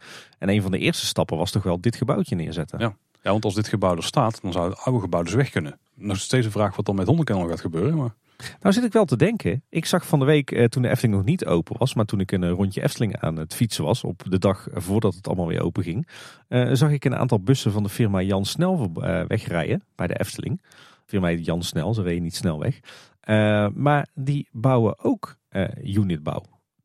Zou er misschien al wel een soort van unit zijn geplaatst daar, die straks wordt aangekleed? het zou zomaar kunnen, want het is me ook opgevallen sinds dat we er langs konden lopen. Die schuttingen zijn stiekem vrij hoog. dus moeilijk om overheen te kijken. Een paar plekken waar je de bouwhek hebt staan, daar gaat het wel. Ja, want dit is gewoon de klassieke bouwhektechniek die je moet toepassen. Ga op zo'n steen staan of doe het rechts tussendoor fotograferen. Maar bij die schuttingen is het toch lastig te zien. Het zou natuurlijk best kunnen zijn dat ze gewoon een fundering hebben gestort, eh, twee van die units hebben geplaatst en dat ze daar nu eh, eh, wat, wat planken omheen timmeren. Nou, bij de komende bezoekjes Timmen ga ik het gewoon proberen te bespioneren. Ja, en dan komen we eigenlijk bij toch wel de vraag die ons ook bezig heeft gehouden de afgelopen twee weken. Wat gebeurt er nou allemaal in vredesnaam op het parkeerterrein en in het entreegebied? In ieder geval enorm veel, want het kan je niet ontgaan als je naar het park gaat. Het is echt een bende nou op dit moment bij de entree. Ja, je kunt er zelf je, vraag, je vraagtekens bij plaatsen of dat je dit wel moet willen eh, tijdens parkopening. Maar goed, eh, de Efteling is natuurlijk, als het goed is, 365 dagen per jaar eh, open. Dus dan ontkom je er niet meer aan. Nee, ik zat te denken, volgens mij is het lang geleden dat de Efteling zo op haar kop heeft gestaan. zeker tijdens parkopening. Het enige wat ik me nog kon herinneren dat het ook zo'n rommeltje was, was in eh, 2000. Toen de Pardoespromenade en eh, de Brink werden aangelegd. Plus natuurlijk eh, de infrastructuur in zo'n beetje het halve park daarop werd aangepast. Dat was nog niet helemaal klaar toen het park op Witte Donderdag het in 2000 opende. Toen was het ook wel echt een enorme puinzooi in het park. Maar volgens mij sindsdien is het niet meer zo'n enorme bende geweest als dat het op dit moment is. Nou, ik denk ook dat ze dachten van het park is nu toch dicht. Dus we gaan proberen zoveel mogelijk van die rommel gewoon nu te doen. Ik heb zelfs begrepen dat een aantal van de plakkaten asfalt die zijn gelegd echt nog de dag voordat het park open ging zijn geplaatst. Want toen kon het nog net zeg maar. Er lijkt nu echt overal iets te gebeuren. Maar misschien moeten we er gewoon even langs lopen. Want ja, het is gewoon niet bij te houden. Ik denk ook dat we gewoon serieus dingen hebben gemist. Ik denk niet dat we alle werkzaamheden kunnen opzommen op dit moment. Nou, we hebben in ieder geval aardig wat uurtjes gestoken in het verzamelen van, uh, dat wel, van alle berichtgeving. Nou, zo eens naar die korte kant gaan kijken dan. Ja, uh, dus voor de mensen die wat minder in het jargon zitten, dat is uh, zeg maar de linkerkant van het parkeerterrein gezien vanaf de parkeerpromenade. wat zien we op de voormalige korte kant? nou, jij, jij, zei het al, Paul. De bouwschutting die is inmiddels helemaal doorgetrokken vanaf het, tunneltje vanaf de bushalte tot helemaal vooraan het Huis van de Vijf Zintuigen. Hij sluit ook helemaal aan, zelfs op het huis zelf. En die is inmiddels volledig eh, groen geschilderd. Nog niet voorzien van concept art of zo. Dat is dan wel weer jammer. Uh, het valt me op dat een groot aantal bomen op de korte kant uh, gekapt zijn. Waarschijnlijk om daar het uh, bouwterrein aan te leggen. En er zijn volop graafwerkzaamheden geweest de afgelopen weken. En waarschijnlijk voor de aanleg van kabels en leidingen. Ik zag ook heel veel PVC-buizen op het bouwterrein klaar liggen. Waarschijnlijk voor de hemelwaterafvoer en de, de vuilwaterriolering. En wellicht ook al wel voor de bouw van dat, dat servicegebouw. In Efteling vertelde zelf nog over via loopings dat er sprake is van ondergrondse werkzaamheden voor de aanleg van het uh, duurzaam energiesysteem in Anderrijk en het entreegebied. Ja, dat gaat volgens mij dan om die uh, warmte-koude opslaginstallatie. Uh, waarmee ze het hele Anderrijk van het gas af gaan krijgen. Maar ik tussen de regels doorlezen we hier dus dat ook het nieuwe hotel gaat worden aangesloten op die WKO-installatie. Ja, en ze zijn niet alleen met de korte kant bezig ook aan de lange kant van het parkeerterrein, dus rechts als je de parkeerpromenade oploopt, zijn ze bezig. Want daar vrij ver vooraan, eigenlijk een beetje aan het einde van die uitrijstroken als je op vak KLM moet parkeren. Dan moet je tussen twee van die rijen moet je gewoon door naar de uitrijstroken rijden. Op dat punt waar die, eh, die stroken uitkomen op de uitrijstroken, daar hebben ze nu een heel stuk afgezet. Daar hebben ze sowieso heel de bestrating eruit getrokken. Ja, en ik heb geen idee wat ze daar aan het doen zijn. Ja, dat is voor mij lange tijd ook onduidelijk. Maar uh, het lijkt er nu op dat ze een groot gat gaan graven. Ze hebben namelijk uh, bronering geplaatst. Dat eh, doe je normaal gesproken als je eh, een gat gaat graven en je bent bang dat het vol met grondwater komt te staan. Dan eh, pomp je het zo droog. en als ik dan kijk naar de vorm, want je kunt zien, precies zien waar die bronering is aangelegd. Dan gaan ze een, ja, een behoorlijk grote put graven. En ik vermoed dat dit is voor het aanleggen van een nieuwe sprinklerkelder. Die voorheen onder het Warrelplein zat. Die moet daar weg, want die zit daar natuurlijk in de weg voor de bouw van het, het hotel. En dat hele zeg maar gebied met al het groen en al het water. Uh, en die kan natuurlijk perfect hier naar het parkeerterrein verhuizen. Die is er namelijk voor om uh, de sprinklers die in het, uh, het Huis van de Vijf Zintuigen zitten, om die te voeden met water uit de Aquanura vijver. wellicht ook voor sprinklers in het hotel, zou natuurlijk ook nog kunnen. daar hebben ze ook een vergunning voor aangevraagd recent. dus ik denk dat ze hier op deze plek onder de lange kant de nieuwe sprinklerkelder gaan aanleggen. Ik hoop in ieder geval dat als ze daar toch alles open hebben liggen, dat ze straks eens een betere eh, aansluiting maken van die uitrijstrook vanuit KLM naar de twee uitrijstroken langs de parkeerpromenade. Dat je daar een wat soepelere bocht kunt maken, dat daar niet een uh, grote opstopping uh, veroorzaakt wordt. Ja, en dat ze dan ook meteen een uh, fatsoenlijk 9 eh, plus wandelpad vanaf uh, van KLM naar het, de hoofdentree gaan maken. Ja, een mooi pad met een hoop groen als schaduw. Oh, dat zou mooi zijn. Ja, boompjes langs inderdaad, lantaarnpalen, vaandeltjes, kom maar op. Ja, het zou natuurlijk ook kunnen dat ze hier ook bezig zijn met, met, nut, met de, de nutsvoorzieningen. Dus met kabels en leidingen of met die warmte-koude opslag. Maar gezien het, de grootte van het vlak waar ze gaan graven, denk ik toch echt aan die sprinklerkelder. Ja, maar dan kunnen ze daar bovenop ook nog mooie dingen doen. De laadpalen zijn binnenkort wel een tijdje niet bereikbaar. Op dit moment kun je er nog wel gaan staan. Dan moet je eigenlijk een paar stroken teruglopen de parkeerplaats op om dan uiteindelijk de parkeerpromenade te kunnen bereiken. Maar er komt op het moment dat ze aan het eind van de strook zijn, dan kun je er gewoon niet meer op. Dus hou daar wel rekening mee. Ja, dan wordt er ook nog steeds gegraven uh, rond de entree voor verblijfsgasten en op het, uh, het LEM-terrein, het opslagterrein uh, van het logistiek evenementenmagazijn. Hoogstwaarschijnlijk ook weer aan kabels en leidingen en aan die warmte-koude opslag. Betekent wel dat, uh, dat de route vanaf uh, de verblijfsrecreaties, dus vanaf de resorts naar de entree, gestremd is een tijdje. En er is nu ook weer een tijdelijke route gemaakt over dat, uh, dat opslagterrein. en daarvoor hebben ze inmiddels zelfs de hele bestrating daar opgeknapt. Want het is natuurlijk een beetje een, een griepensoortje daar altijd. maar het straatwerk is opgeknapt. En ze hebben met bouwhekken hebben ze een hele route over dat terrein richting het, het voorplein van het theater gemaakt. Ja, dat was een tijdje geleden.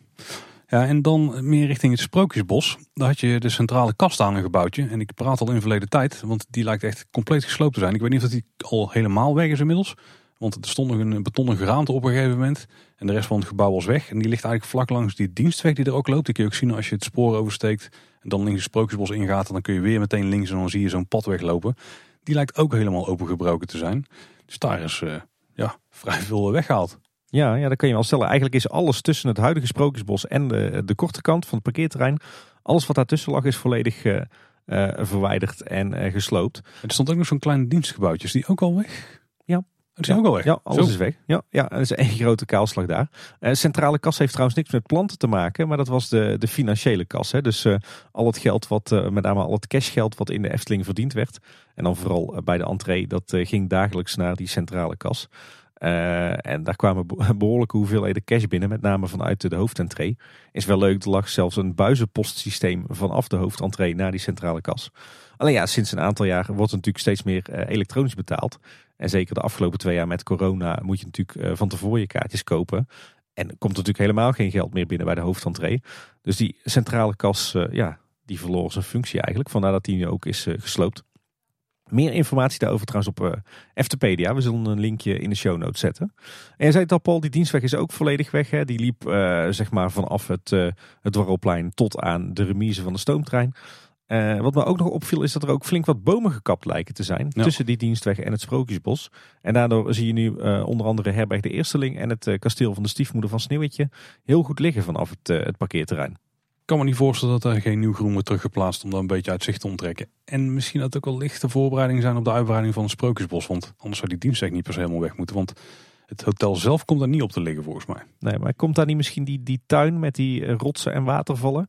De voortuin van het, het nieuwe hotel? Ja, dat kan goed, maar ik ben ook nog wel benieuwd hoe ze het totaal gaan bevoorraden. Zou er nog een pad langskomen liggen waar vrachtwagens heen kunnen rijden? Of zouden die over het dwarrelplein heen gaan in de ochtend? Ik, ik verwacht er wel een enorme back of the house als je ziet wat zo'n hotel aan voorzieningen nodig hebt en heeft. En... Maar hoe, hoe kom je daar dan? dan? Dan moet je tussen het Nieuw Sprookjesbos deel en de, ja, de tuintje zeg maar, wat richting het hotel loopt, tussen, dat, tussendoor of zo een asfaltpad maken? Er zal ergens inderdaad verborgen een weg moeten komen te liggen die je kan bereiken via het hoofdparkeerterrein. Ja ook dat is een detailsteam die komen vanzelf. Ja, ik denk ook eigenlijk dat we niet zo heel lang meer hoeven te wachten op de eerste vergunning aanvragen. Want dat is ook een reden dat ze nu al bekendmaken dat soort publieke dingen kunnen doen. Ja, en als je naar de planning kijkt, dan denk ik dat je niet veel langer meer wilt wachten met vergunningsaanvraag. En dan wordt er hopelijk meer duidelijk. Er is nog meer wat ze eraan het doen zijn. Want ze hebben natuurlijk de, de tijdelijke toiletunit weggehaald. En ze zijn aan het klussen aan het Huis van de Vijf Zintuigen. Met het, de kap die wordt vervangen. Dat heeft natuurlijk wel wat gevaar dat er wat dingen naar beneden komen. En ik neem ook aan dat ze niet alleen de werkzaamheden willen doen buiten de parkopeningstijden. Want dan ben je vrij beperkt. Zeker nu met het licht wat we hebben. Dus er komt een tijdelijke in- en uitgang naast het Huis van de Vijf Zintuigen. Ja, en we hadden het net al een beetje over dat festivalsfeertje in die uh, toiletunit van het Warrelplein. Maar dit is helemaal een festivalsfeer. Ja, want er wordt dus een tijdelijke toegangscontrole geplaatst links van het Huis van de Vijf Zintuigen. En ja, die bestaat eigenlijk uit van die uh, transporteerbare uh, trusvoeten.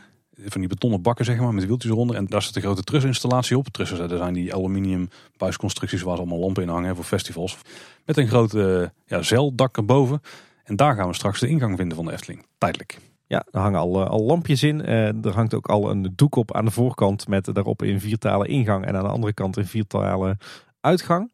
Dus ja, dat wordt inderdaad uh, voor een tijdje de hoofdentree van de Efteling.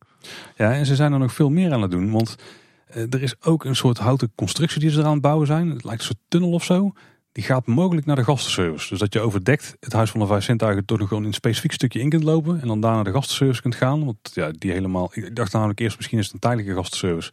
Slaat helemaal nergens op, want er zitten superveel computersystemen en al die printmachines voor de abonnementen en al je tickets. Als ze die allemaal gaan verplaatsen onder zo'n gammele constructie lijkt me vrij onlogisch. Dus het zal een soort tunnel worden die uh, het Huis van de Vijf Zintuigen inleidt. Dat je in ieder geval daar je dingen kunt regelen als nodig is. Ja, en uh, die tunnel die komt uit op een uh, nieuwe looppad, of althans een tijdelijk looppad. Want uh, dadelijk zal het voorplein van het Huis van de Vijf Zintuigen afgesloten zijn, verwacht ik. Ja, en die, die tijdelijke route naar de gastenservice, die komt te liggen aan een, ja, eigenlijk een, een, een, tijdelijke weg ook. Die vanaf de parkeerpromenade naar die grote tent gaat. En die loopt dus eigenlijk voor de hekken langs, hè? Dus voor de poort naar, de, naar het voorplein van het Huis van de Vijf Zintuigen af. Ja, je komt dadelijk een tijdje niet meer op het voorplein inderdaad. Eh, volgens mij hebben ze daar een asfaltweg gedraaid. Die ook echt daadwerkelijk onder de tent door zo het Dwarrelplein oploopt. Ja, volgens mij is er ook een deel aan het betegelen geweest daar. Dus het zal een combi zijn. Het is eh, allemaal heel provisorisch. Ik denk ook dat ze voor asfalt kiezen nu. Omdat ze natuurlijk niet veel tijd hebben. En eh, niks gaat zo snel als een asfaltweg leggen. En er was toch al een asfaltmachine in de buurt. ja. En inmiddels zijn er ook al eh, bouwhekken langs geplaatst. Dus het wordt echt een, een corridor over het bouwterrein naar die tijdelijke in- en uitgang. Ja, festivalization ten top. Ja, inderdaad. Ik zag ook nog een eh, bordje eh, wat normaal gesproken bij de hondenkennel stond op het bouwterrein staan. Echt zo'n, eh, ook weer een typisch Eftelings bordje. Ja, de vraag is dus even, wat gebeurt er in vredesnaam met de kennel? Want die zal daar ook weg moeten. En ja, we hebben nog geen concrete plannen gezien waar die dan terugkomt. En het is wonderlijk dat Wessel net met ons tijd had om te bellen. Want Loopings draait overuren. Want die namelijk ook nog te melden dat het hondenkennel in ieder geval tot 4 februari gesloten gaat zijn. Ja. In ieder geval tot 4 februari. Wie weet. Wie weet dat er dan wel weer elders een tijdelijke hondenkennel wordt neergezet. Ja, nou ja, de- uiteindelijk als ze het willen behouden zal er toch een nieuwe moeten komen. Hey Paul, we hadden het net al over eh, het groot onderhoud aan het Huis van de Vijf Zintuigen zelf. Waarvoor er dus een tijdelijke kaartcontrole eh, wordt gebouwd. Het onderhoud zelf daaraan is ook al gestart. Eh, er is te zien dat er aan eh, alle vijf de punten van het gebouw eh, klimtuigen zijn opgehangen. En ze zijn ook al begonnen met de opbouw van de grote steiger eh, die straks het hele Huis van de Vijf Zintuigen gaat eh, omringen. Eh, en ze zijn aan de linkerkant begonnen, dus de kant van de gastenservice. Ja, en dan het Dorplein zelf. Het blijft maar komen, Tim. Het is echt niet normaal. Er zijn een aantal bomen gekapt. Ja, gelukkig niet van die grote jongens. En die stonden een beetje aan de linkerkant van het plein als je binnenkomt richting de toiletten en het, het servicegebouw daar. Ja, en inmiddels op de parkplattegrond is te lezen dat de vrolijke noot is gesloten vanaf april. Kijk, dus ook die geruchten waren waar. Het gerucht gaat dat Laplace dan wel een plaatsje zou krijgen in het Panorama-restaurant. Er gaan geruchten over dat het contract dan voor tien jaar zou worden bijgetekend. Of worden verlengd is. Ja, en dit zou ook alweer een interessant eh, project worden. Want er wordt gezegd, we horen geruchten dat half mei het self-service gedeelte van Panorama al dicht zou gaan. En dat daar in het najaar van 2022 dus eh, een nieuwe Laplace-vestiging eh, opent. Ik geloof dat Laplace dat, dat dan zelf ook zou aankleden in de Laplace-stijl. En het à la carte deel van Panorama zou dan later volgen. En dat zou dan een Oosterse sfeer krijgen. Ja, ik weet niet hoe enthousiast ik daarover ben. Maar de kogels blijven ook nog niet uit de kerk, dus hier kan nog van alles gaan gebeuren. Ja, inderdaad, want de Efteling geeft aan dat er inderdaad wel over wordt gesproken, eh, maar dat het nog lang niet rond is. Ik ben inderdaad ook bang dat als je voor deze oplossing kiest, dat het vooral weer een cosmetische renovatie wordt van het eh, café-restaurant en dat er weer niks eh, grondigs verandert.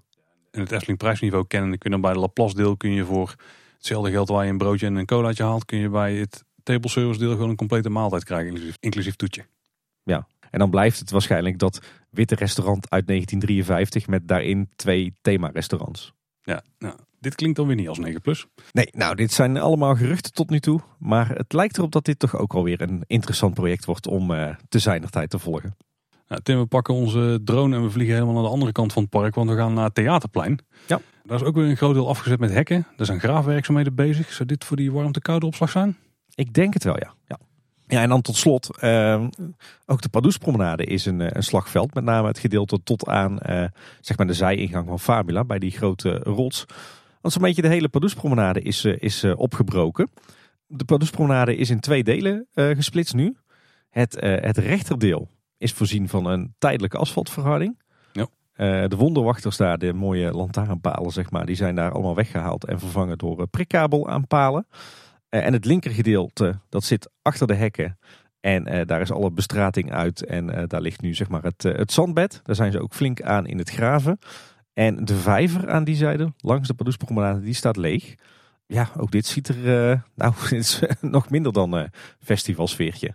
Niet helemaal, want die prikkabel die werkte blijkbaar nog niet. Dus het was vrij donker. Zo'n prikkabel maakt het festivalsfeertje dan wel helemaal af. hè? Ja, wij liepen inderdaad woensdagavond eh, tegen een uur of zes naar huis. En het was inderdaad pikdonker op de Pardoespromenade, ja. Had ook alweer wat. Nee, er zit ook een vrij praktisch probleem aan. Want wij waren woensdag eh, in het park bij de Wereld van Simbad. We moesten snel naar huis, want de oudste die moest naar de zwemles. Dus wij denken, dan pakken we de afsnijroute door het Sprookjesbos.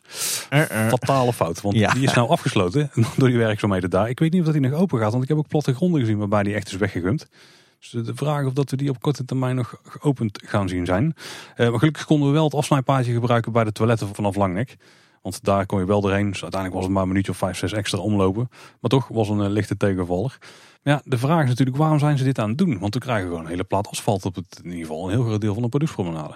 Ja, de eerste vraag is natuurlijk, is die asfaltweg, is dat een, een semi-permanente oplossing? Of is het echt maar heel tijdelijk omdat ze hier aan het graven waren terwijl het park gesloten was? Toen bleek dat het park toch vrij snel mocht heropenen. En dat ze toen gedacht hebben van, we moeten in ieder geval zorgen dat er weer wat van de Pardoespromenade beschikbaar is. Dus draai er maar snel een lap asfalt in. Ja.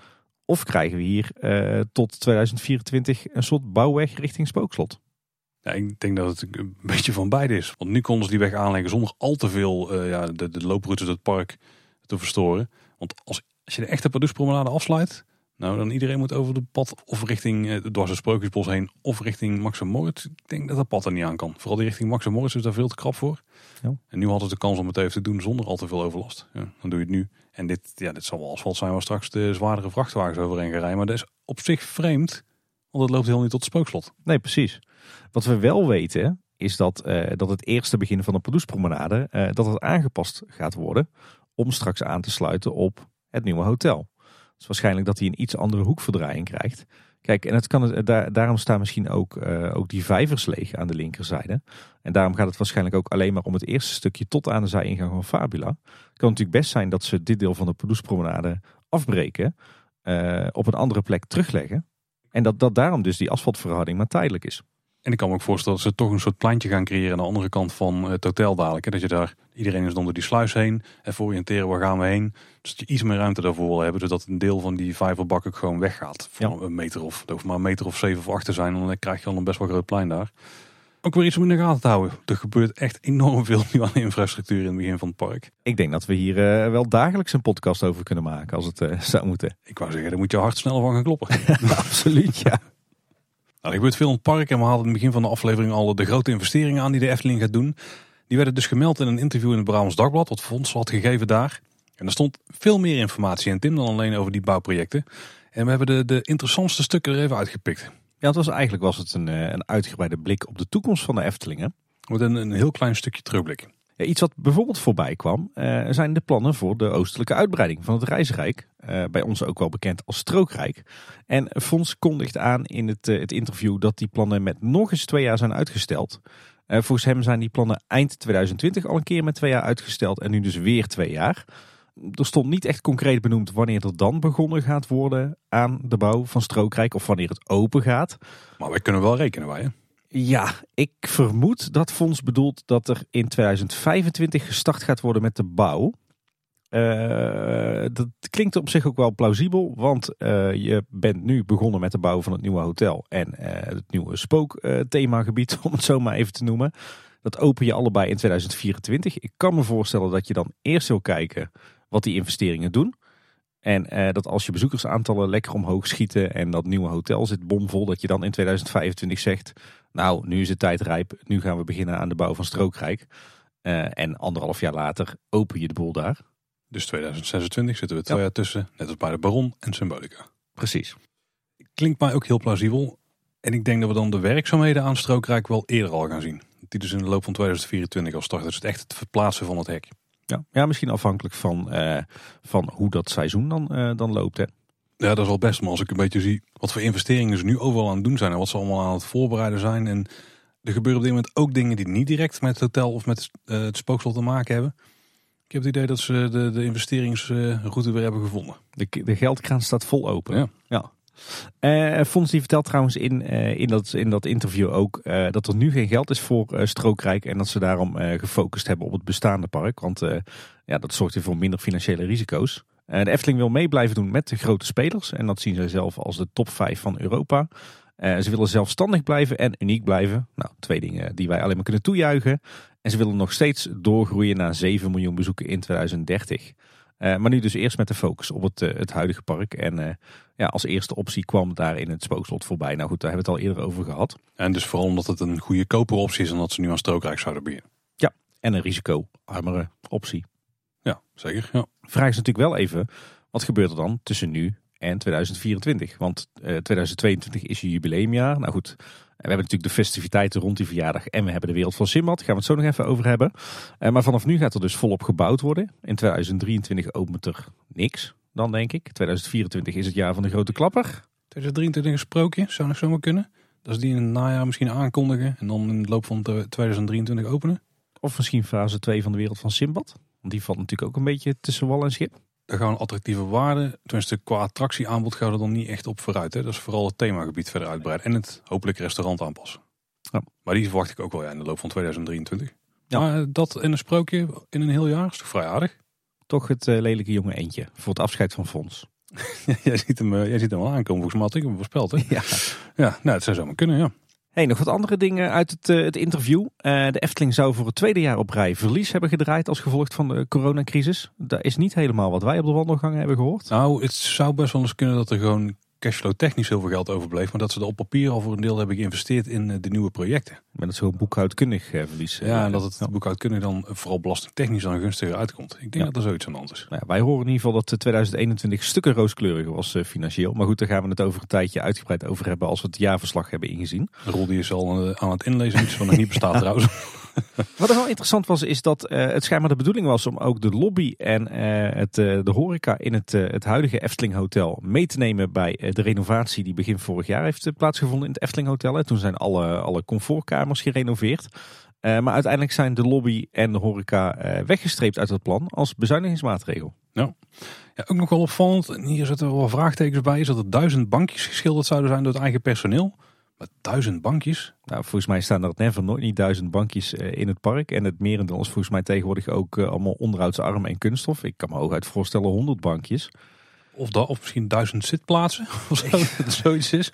Ik, ik heb ook niet de indruk dat er nou zo heel veel banken geverfd zijn in het park. Of zouden ze nog van die, eh, als we het dan toch over een festival hebben, van die houten klapbanken zijn of zo. Dus die nog een hoop op voorraad hebben en hebben geschilderd. Nou, dat was in ieder geval een voorbeeld van Fonds eh, hoe ze het personeel steeds beter aan de slag houden als het park dicht is. Door ja, ze steeds flexibeler eh, op te leiden. Door ze niet bestaande banken te laten schilderen. Dan houden ze wel bezig, ja. Nou, om de huidige plannen te realiseren had de Efteling wel gerekend op meer eigen vermogen. Dat was er niet voldoende. In verband met de coronacrisis hebben ze dus meer moeten lenen bij de bank, maar dat is wel gelukt. Ze zijn teruggegaan met de plannen naar de bank en daar hebben ze het geld gekregen. Dus het hotel zal voor een heel groot deel eh, wel gefinancierd worden door geld dat ze bij de bank lenen. Eigenlijk vergelijkbaar met de andere hotels die ze hebben gebouwd tot nu toe. Of vakantieparken. Ja, dat is ook logisch, hè, want dan heb je echt een goede business case. Want dan kan je gewoon aantonen met eh, het aantal kamers en bezettingscijfers eh, wanneer dat je dat, eh, dat hotel terugverdient en wanneer je die lening kan aflossen. En ik verwacht dat het nieuwe spookslot met het themagebied, dat dus grotendeels uit de eigen cashflow wordt betaald. Ja, ook zoals eigenlijk vanuit hè, voor Ja. de attracties. Het meest opmerkelijke vond ik nog wel de plannen die, die Fons beschreef om het Sprookjesbos in de toekomst als een gewoon bos te bestempelen. Zodat het eh, Sprookjesbos gewoon open kan als het park dicht zou moeten, bijvoorbeeld eh, vanwege een, eh, een lockdown. En Fons zegt daarbij, ik denk dat corona altijd een rol blijft spelen, maar dan wellicht alleen in de winter. Dat we in die tijd voortaan een afgeslankte Efteling hebben, maar de zomers zonder beperkingen zijn. Met flexibel personeel en nieuwe vergunningen moeten we daar beter onze weg in kunnen vinden. Dit is heel interessant. Ook met het oog op het nieuwe gebouw wat ze dus hebben geplaatst. Het nieuwe facilitaire gebouw. Of het servicegebouw zoals we het moeten noemen. Want daar zit een vrij duidelijke opening doorheen. En als je die opening zou doorlopen en je zou rechtdoor blijven lopen. Dan kom je gewoon aan de rand van het Sprookjesbos uit. Zit daar al beoogd zijn als een soort van winteringang of zo misschien voor het Sprookjesbos? Dan hoef je namelijk niet door de kaartcontrole heen. Dat vind ik wel heel ver doorgedacht, Paul. Ja, Zo had ik die nog niet gezien. Ik vind, ik vind het ook raar verhaal. hoor. Hoe kan je nou het Sprookjesbos als gewoon bos gaan bestempelen? Ja, ik denk dat het meer dan zien als park. Gewoon zoals Ja. een wandelpark ook gewoon open kan blijven. Ja.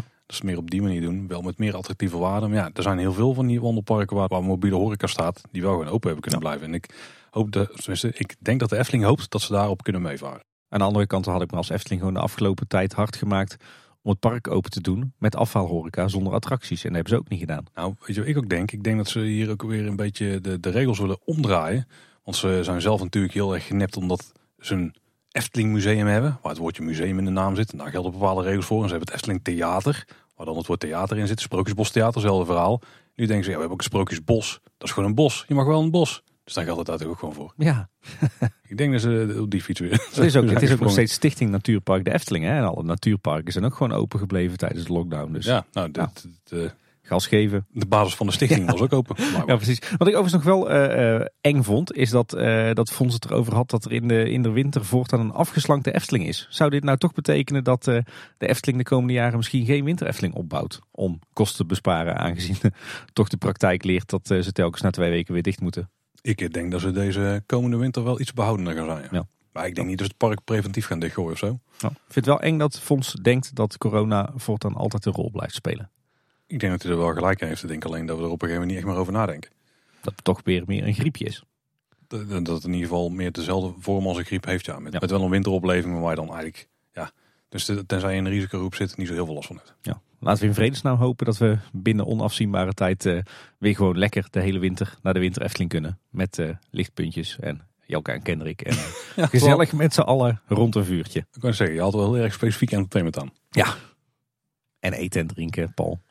Nou, Tim, we hebben het een tijdje zonder moeten doen. We wisten niet meer hoe de winter Efteling voelde, maar toch, het Efteling gevoel is weer terug. Ja, Want de Efteling die is weer open. we mogen weer. Zeker. En dat doen we volop. Absoluut, ja. Nou, en het is ook heel rap gegaan, want we vroegen ons al af van hoe gaat het nu? Hè? Want op een gegeven moment, dan komt natuurlijk die aankondiging, alles mag weer open. Of in ieder geval, er mag, veel mag weer. Nou, die aankondiging kregen, die was op dinsdagavond 25 januari. Toen hadden we de persconferentie. En op woensdag mocht dan meteen alles weer open en de Efteling ging ook open. Inclusief horeca, alles was blijkbaar al ingekocht. Iedereen anticipeerde er gewoon op. Niet helemaal. Daar gaan we het zo, gaan we het zo nog wel even over hebben. Eh, maar inderdaad, de Efteling die zei eh, gelijk boter bij de vis. Wij gaan gewoon open op eh, woensdagochtend 26 januari.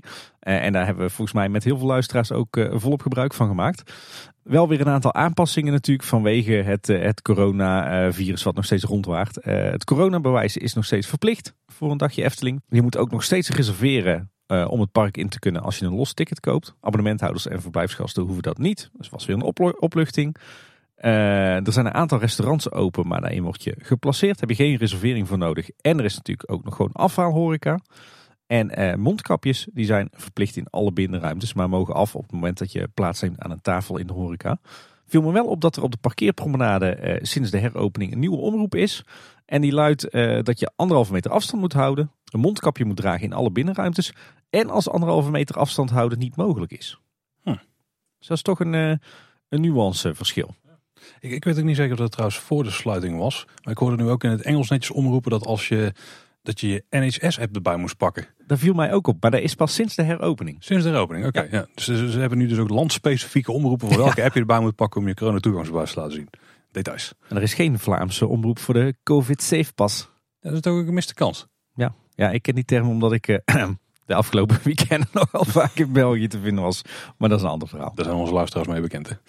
En dan de openingstijden van het park. Goed om even te melden, want je, je trapt er makkelijk weer in. Je denkt de Efteling gaat er open, maar hij is pas open door de week vanaf 11 uur. En dan sluit hij om 6 uur in de avond. In de weekenden gaat de Efteling wel om 10 uur open. Sluit hij ook om 6 uur. Maar op de momenten dat er uitverkopen zijn, dan is de Efteling in het weekend open van 10 tot 7. En die uitkoopdagen die zijn op 13 februari en op 12, 13, 26 en 27 maart. Ja, en let op, dat is je abonnement dus niet geldig. Eh, die uitkoopdag in februari die zal sowieso al doorgaan. Anders was die wel geannuleerd inmiddels. Die in maart, daar zouden we zomaar nog een aantal van kunnen afvallen. En de Caro die gaat ook weer van start. Er zijn al voorstellingen op 28 en 29 januari, dus afgelopen weekend. En hou gewoon even de, de Caro-agenda in de gaten van wanneer de voorstellingen zijn. Ja, en Bosrijk was natuurlijk nog steeds open, ook tijdens de lockdown. Maar ook het Efteling Hotel en het Loonse Land zijn inmiddels weer geopend vanaf vrijdag 28 januari. En de horeca in de resorts die eh, blijft open tot 10 uur s avonds. Voor verblijfsgasten wordt er eh, specifiek vermeld. Maar ik denk dat ik binnenkort eh, toch maar eens ga proberen om weer eens lekker te lunchen bij Bosrijk of het Loonse Land. Ja, Bosrijk was natuurlijk al wel open, hè, want daar kon je ook gewoon verblijven. Maar de restaurants daar zijn nu ook weer open. Ja. en dan natuurlijk de hamvraag, Tim. Zijn we al geweest en wat vonden we ervan? Ja, nou, we hebben volgens mij net al geantwoord aan het begin van deze aflevering. Het, li- het lijkt inmiddels alweer een dag geleden dat we begonnen aan deze opnames.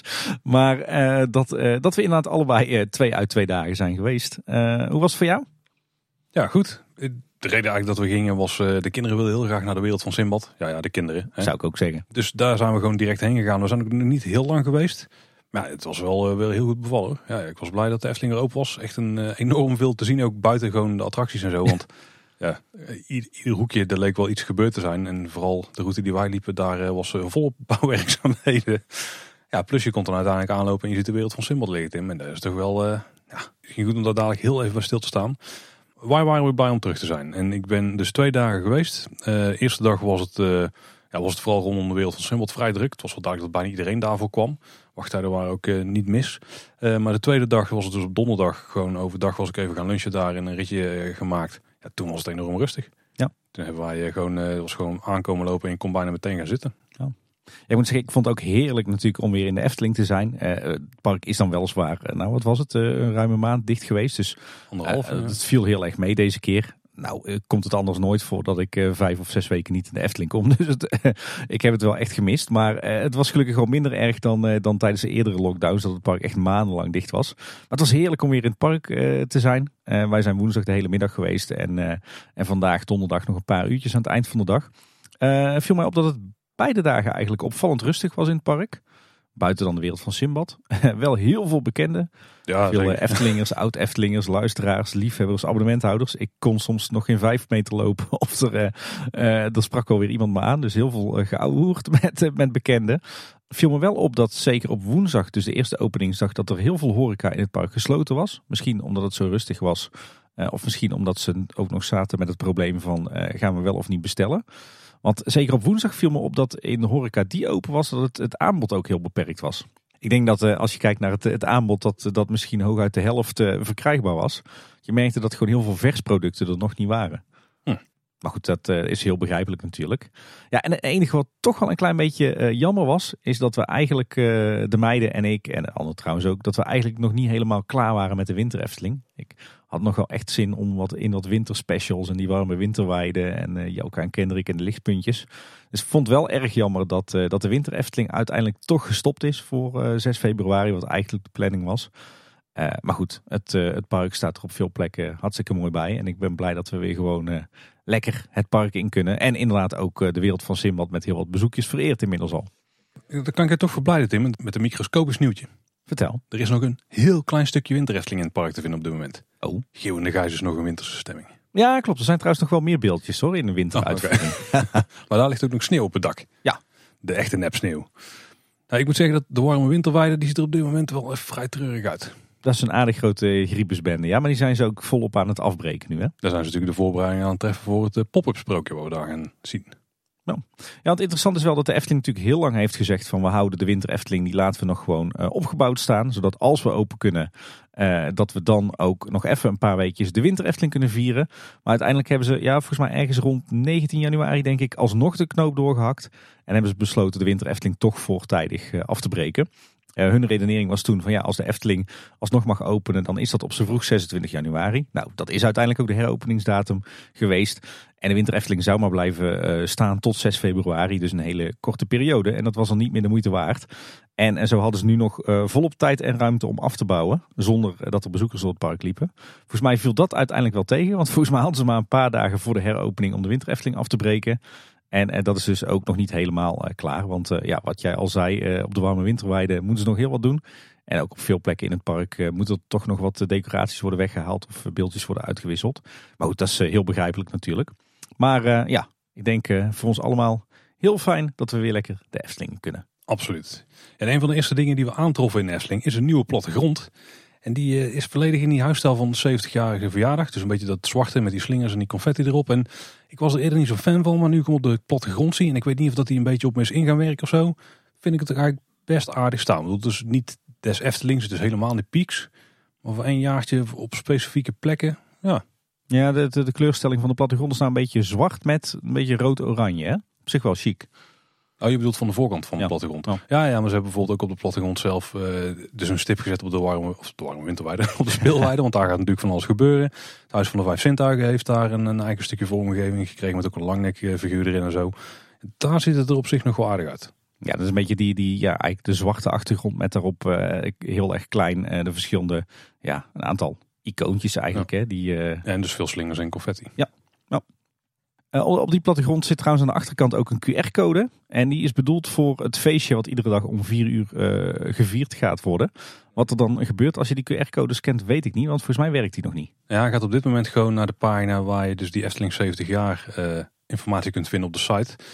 Ik weet eigenlijk niet of dat dan ook een soort doorverwijs-URL tussen zit. Waar ze straks dan dus wel iets rondom het feestje kunnen doen om vier uur. Zou je dan gewoon live op je telefoon het jubileumlied ook horen? Synchroon met wat je in het park te horen krijgt. Ja, dan hoop ik toch niet, want het geluid uit je telefoon loopt dan waarschijnlijk en of net iets voor of achter. En het klinkt acht keer zo schraal als uit die goede speakers die ze daar hebben opgesteld. Dus ik heb geen idee. Wat we verder trouwens nog zien op de plattegrond zelf is dat natuurlijk Sirocco en Archipel zijn eh, toegevoegd. En eh, op de speelweide inderdaad een, eh, een grote banner met kijk vanaf eind maart in de Efteling app wat hier te beleven is. Ook weer in die, diezelfde huisstijl. En verder is de plattegrond eigenlijk qua, qua inhoud en layout eh, ja, redelijk schatplichtig aan plattegronden tijdens de eerdere jaren. Ja, wij kunnen natuurlijk van alles over vertellen. Maar wil je nu zien hoe het voelt om de Efteling weer te bezoeken na een eh, hele tijd van sluiting? Dan kun je een hele toffe reportage kijken die het AD heeft gemaakt over een vriend van de show, Niels Kooijman, zo mogen we hem wel noemen. hè. Zeker. Want daarom vertelt Niels hoe het is om weer terug te komen in de Efteling. En eh, ook een beetje van wat hij altijd met zijn vlogs probeert te bereiken. En er is ook nog een klein rolletje weggelegd voor eh, Steven. Ja, heel mooi om al het enthousiasme te zien rond de heropening van het park. En de opening van de wereld van Simbad natuurlijk. Ja, zullen we daar dan eens even kort naartoe gaan? Ja. Want ik zeg kort, Tim. Het is onkleine boodschaps bijna. Ja, maar ook met een reden hè. Zeker met de reden. Want er komt een speciale bonusaflevering over de wereld van Simbad. Daar gaan we even uitgebreid kijken naar het nieuwe themagebied en wat we ervan vinden ook. Dan zal er wel weer een voorlopig eindoordeel komen. Maar er zijn een paar dingen die we uiteraard nu wel even moeten melden. Want ja, hij is geopend, Tim. Ja. Woensdag 26 januari gaat de boek in als de openingsdatum van de wereld van Simbad. 26 dagen later dan gepland. Nou, niet helemaal hè. Want eh, het themagebied ging open. En de attractie Sirocco ging open. Maar Archipel nog niet hè. Nee, dat klopt. Maar ik moet eerlijk zeggen dat ik dat het minst interessante element vond van het geheel. Ja? Oh. Ja, ik ben wel benieuwd dadelijk als je er doorheen kunt lopen. We hebben het nu van een afstandje kunnen bekijken en het ziet er verder goed uit. Maar Sirocco, daar was ik wel het meest benieuwd naar. Ja, ik ook wel. De Efteling die schreef trouwens dat de Archipel nog niet open was in verband met de gladheid. En dat ze die ook eh, zo snel mogelijk eh, hopen te openen. Ik zag later wel iets dat het met de temperatuur te maken had. Dus misschien dat het toch nog langer gaat duren voor we in Archipel rond kunnen plonzen. Ja, het is wel echt plons, want er lijkt wel een flinke bak water te staan daar. ja, ik zag op een bordje staan dat het, eh, het water in Archipel 25 tot 30 centimeter diep is. En dat je ook echt toezicht moet houden op je kinderen. Ja, nee, ik weet ook dat er nog een paar effecten er zijn daar die nog niet in werking zijn gesteld. Dus die gaan we ook nog zien in de toekomst. Ja. Maar Sirocco, waar zijn we erin geweest? Hè? Gaan we al, gaan we al een eerste indruk delen of eh, houden we dat voor onze bonusaflevering? Ik wil het houden bij eigenlijk één ding, Tim. 9 plus, ja of nee? Ja. Daar ben ik het zeker mee eens. Er zijn nog een paar ruwe randjes, maar die zullen we dan in de aflevering wel aanhalen. Als ze die nog aanpassen, dan is het echt een dikke 9 plus. Ja. Zal ik de, mag ik één, één zin eraan wijden? Ik denk dat deze attractie van een typische invulmolentje naar een totaalbeleving is gegaan met verhaal, met show, met details, met landscaping. Prachtig. Ik denk dat je wel even terug moet naar school, want het was zeker niet één zin. Ja, dat is een lange zin met heel veel komma's. En punt, komma's. En, ja, Ja. oké, oké. Hopelijk later deze week een bonusaflevering en dan gaan we het er uitgebreid over hebben. Maar een paar dingen die we nu meer onder het mom van nieuws willen melden. Want de paalvisser die is inmiddels gespot. En wat is die prachtig hè? Ja, die ziet er heel vet uit. Maar ook dat gaan we uitgebreid bespreken natuurlijk in die aflevering. Eh, ook verschenen is een eh, sprookjesboek met, over de zeereizen van Simbad. En die staat dan bij de entree van Sirocco. Ik stond er wel van te kijken trouwens, een sprookjesboek buiten het Sprookjesbos. We hebben er wel een paar meer natuurlijk, maar Ja, eh, wel inderdaad in stijl van het Sprookjesbos. Ik denk dat dit iets is wat we, wat we steeds vaker gaan zien. Juist ook omdat ze die storytelling verder willen gaan uitbouwen. Denk een heel goed initiatief. We hadden het laatst trouwens ook nog over dat eh, prachtige grote nieuwe bord wat te zien was op het plein. Ik zei dat verwijst naar de wereld van Simbad. Maar dat blijkt niet zo te zijn. Er blijken twee van zulke soort prachtige borden te zijn opgehangen. En de een duidt de ingang van Sirocco aan. En de ander de ingang van Archipel. geen wachttijd. Borden bij Sirocco en Archipel, maar er staan wel mooi gethematiseerde infoborden. Overigens moet de, eh, het attractiepersoneel ook nog een beetje wennen aan de, de wachtrij. Die kunnen nog moeilijk inschatten hoe lang de wachtrij is. Dus ja, ik zou zeggen, ga gewoon in de rij staan als je er bent. Het is echt Ja. wel de moeite. Ook al moet je er een half uur wachten. De eerste keer zeker. Ja, met name het, eh, het eh, infobord van Archipel is wel interessant. We hadden het net al over die waterdiepte en dat je dus eh, toezicht moet houden. Maar wat we daar ook zien is dat de speeltuin na zonsondergang en bij onweer gesloten is. Wat me ook wel opvalt is dat de speeltuin best wel een hoge moeilijkheidsgraad is. Ik denk dat het nog best wel spannend is, zeker voor jongere kinderen, om eh, het parcours af te leggen zonder een nat pak eh, te halen. Ja, zeker als je ziet hoe schuin die kistjes allemaal erin liggen. Eh, maar ik denk ook dat het in de zomer wel gewoon de bedoeling is dat je hier zeiknat gaat worden. En dat, dat lukt in ieder geval prima. In de tussenseizoen eh, denk ik dat je als, als ouders je kleine kinderen zult moeten helpen om over alle balken en stapstenen heen te kunnen. Wat ook is opgevallen is dat er eh, een hoop van die nieuwe ombouwen voor de kliko's zijn geplaatst. Dus de vuilnisbakken. Eh, die staan voor Vogelrok. Die zijn eh, zwart donkergrijs van kleur met een, een mooi bolletje erop, Tim. En de bestikkering met Oosterse krullen. En er staat heel klein onderin duizend en één nacht. Ja. Die hebben we nog niet heel vaak zien langskomen hè, in deze context. En eh, ook opvallend trouwens is dat er ook eentje staat vlak voor Carnaval Festival. dus die is een beetje verdwaald denk ik of zo. We, we kregen hier toch één carnaval festivalplein en één wereld van Simbad. Ja, maar dat niet helemaal, eh, die memo is niet helemaal rondgegaan. Hey, ook nog wel interessant, er zit, eh, dat vind ik op zich wel mooi. In Sirocco zit hele duidelijke omroep. Zowel bij het, het starten van de, de rit als na afloop. Met wat veiligheidsinstructies. Eh, en die zijn ingesproken door uh, musicalacteur Ara Halici, als ik het goed zeg. we kennen zijn stem ook al van de making-ofs van de wereld van Simbad. maar we kennen hem ook uit eerdere Efteling musicals, zoals Pinocchio en nu Caro, waar hij meneer Tijd speelt.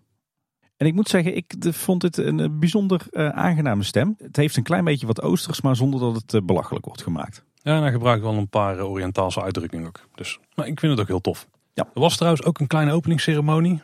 Wij zijn er niet bij geweest in, maar er was een, een heel klein spieltje met een sleutel die je miste en die gebracht moest worden. Want daardoor konden ze de attractie niet eerder openen. En toen mocht een kind de, de, de sleutel omdraaien. Ja, dat was het eigenlijk. Ja, inderdaad. Uh, Bruin Zakblad heeft daar een eh, artikel over geschreven en volgens mij een filmpje gemaakt. Ik geloof dat Sander de Bruin ook een paar woordjes zei, maar afgaand op wat er in de krant eh, stond, hebben we er nou niet bepaald een diepgaand interview gemist. Nee, niet echt, nee. De officiële online die is inmiddels ook geplaatst, dus ga die checken op YouTube. Linkje uiteraard in de show notes. En de attractiepagina's op de website die zijn toegevoegd voor zowel Archipel als Sirocco. En de omschrijving van Archipel is nog wel de moeite, Tim. Je bent aangespoeld op dit spannende avontureneiland. Vind verborgen schatten, ga op zoektocht in een vissersdorp, maar pas op voor de plotselinge golven.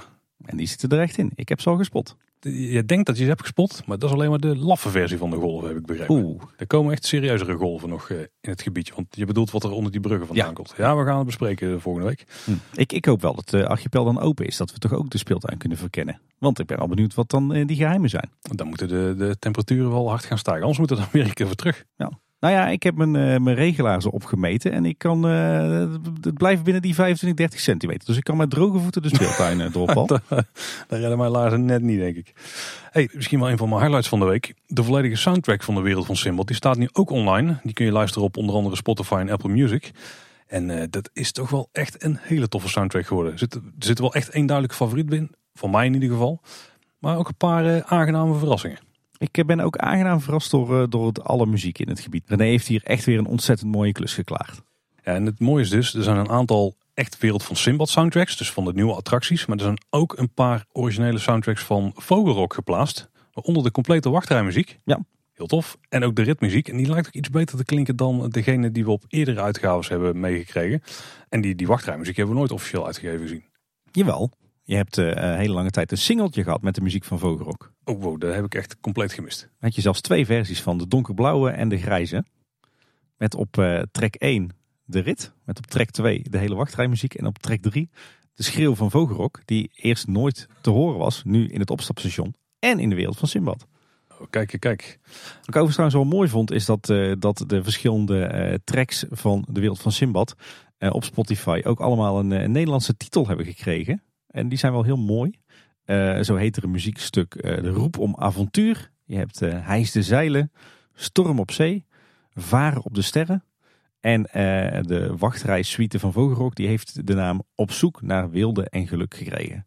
En dan heb je mijn favoriete nummer niet eens genoemd, want dat is Veilige Haven. Springt wat mij betreft met kopperschouders bovenuit. Ja, ik moet er echt nog even goed voor gaan zitten om uh, alle muziekstukken te bestuderen. Maar ik ben eigenlijk de afgelopen twee dagen alleen maar bezig geweest met dit draaiboek uh, vullen en structureren. Zonder muziek op de achtergrond zo te ja. hey, nog een klein dingetje. De, de spanning van Sindbad is natuurlijk nu met een D in het midden. Dus Sindbad. Maar zo was hij niet op Spotify gezet. Want daar was hij zonder die D. En dat moest gefixt worden. Volgens mij heeft hij daar ook in ieder geval een uurtje voor eruit gelegen. Ik had hem op repeat staan de eerste dag. En hij is geclassificeerd als kindermuziek. Bij in ieder geval Apple Music. Nou, ik voel mezelf ook nog steeds kind hoor. Van binnen sowieso, ja. Van buiten begint het wel steeds minder zo uit te zien helaas. Nou, en ter ere van de opening van de wereld van Simbad is er ook een nieuwe set pins uitgekomen. Zondag 30 januari kun je die kopen. En die, bestaan uit een aantal pins, drie stuks. Het Astrolabium. Ja, dat is het, uh, dat navigatie-instrument hè, van Simbad. Die is trouwens ook wel chic geworden, ja. om, uh, binnenkort. Het logo van de wereld van Simbad. En uh, drie hangertjes, die lantaarns. Ja, deze pinset is ook echt prachtig. Sluit prachtig aan bij het eh, themagebied en bij de muziek. Maar dit, is ook, dit ziet er zo mooi uit. Echt om door een ringetje te halen.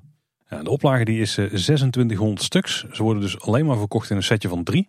En eh, ze kosten 17,50 euro per set. Netjes. Afgelopen zondag was dus de verkoop, weten dus niet precies hoe het is gegaan. Maar in de praktijk, vooraf gaven ze bonnetjes uit. Tussen 12 en 2 kon je dan je pins ophalen met je bonnetje. na twee uur zou dan de vrije verkoop zijn gestart bij Indenau de Marskramer. En voor ieder uitgegeven bonnetje worden er drie sets vastgehouden. Dat is wel vreemd. Ja, dus je kunt drie sets kopen voor één bonnetje. Ja. Nou ja, laten we hopen dat dat betekent dat er ook heel wat, uh, wat sets overblijven. En dat ze, uh, dat ze ook in de vrije verkoop uh, gaan. Ik ja. hoop eigenlijk nog wel zo'n setje te scoren. Want het is echt ja, een prachtig souvenir. Een heel tof souvenir, ja. ja. Ik denk dat ze hier de oplagen weer wat onderschat hebben. Ja, ik snap echt niet waarom ze nou eens gewoon even flink die oplages van pins opplussen. Mee eens. Dan nieuws van een hele andere orde. Wel een nieuw bouwproject. Nog eentje die we dus kunnen volgen. De carports met zonnepanelen die op vak M geplaatst gaan worden. Ja, we hebben de vorige aflevering al kunnen melden dat ze daar dus een deel hebben afgezet. Maar er zijn ook wat werkzaamheden nu. Ja, de afgelopen twee weken uh, zijn, ik wou zeggen, was, werd er volop gegraven. Maar nou, zo snel gaat het niet. Maar ze zijn uh, op het gemakje aan het graven in de puinverhouding van vak M. En het lijkt erop dat ze om de zoveel meter een gat graven om straks ja, de poeren in te maken waar die staalconstructie van die carports op komt te staan.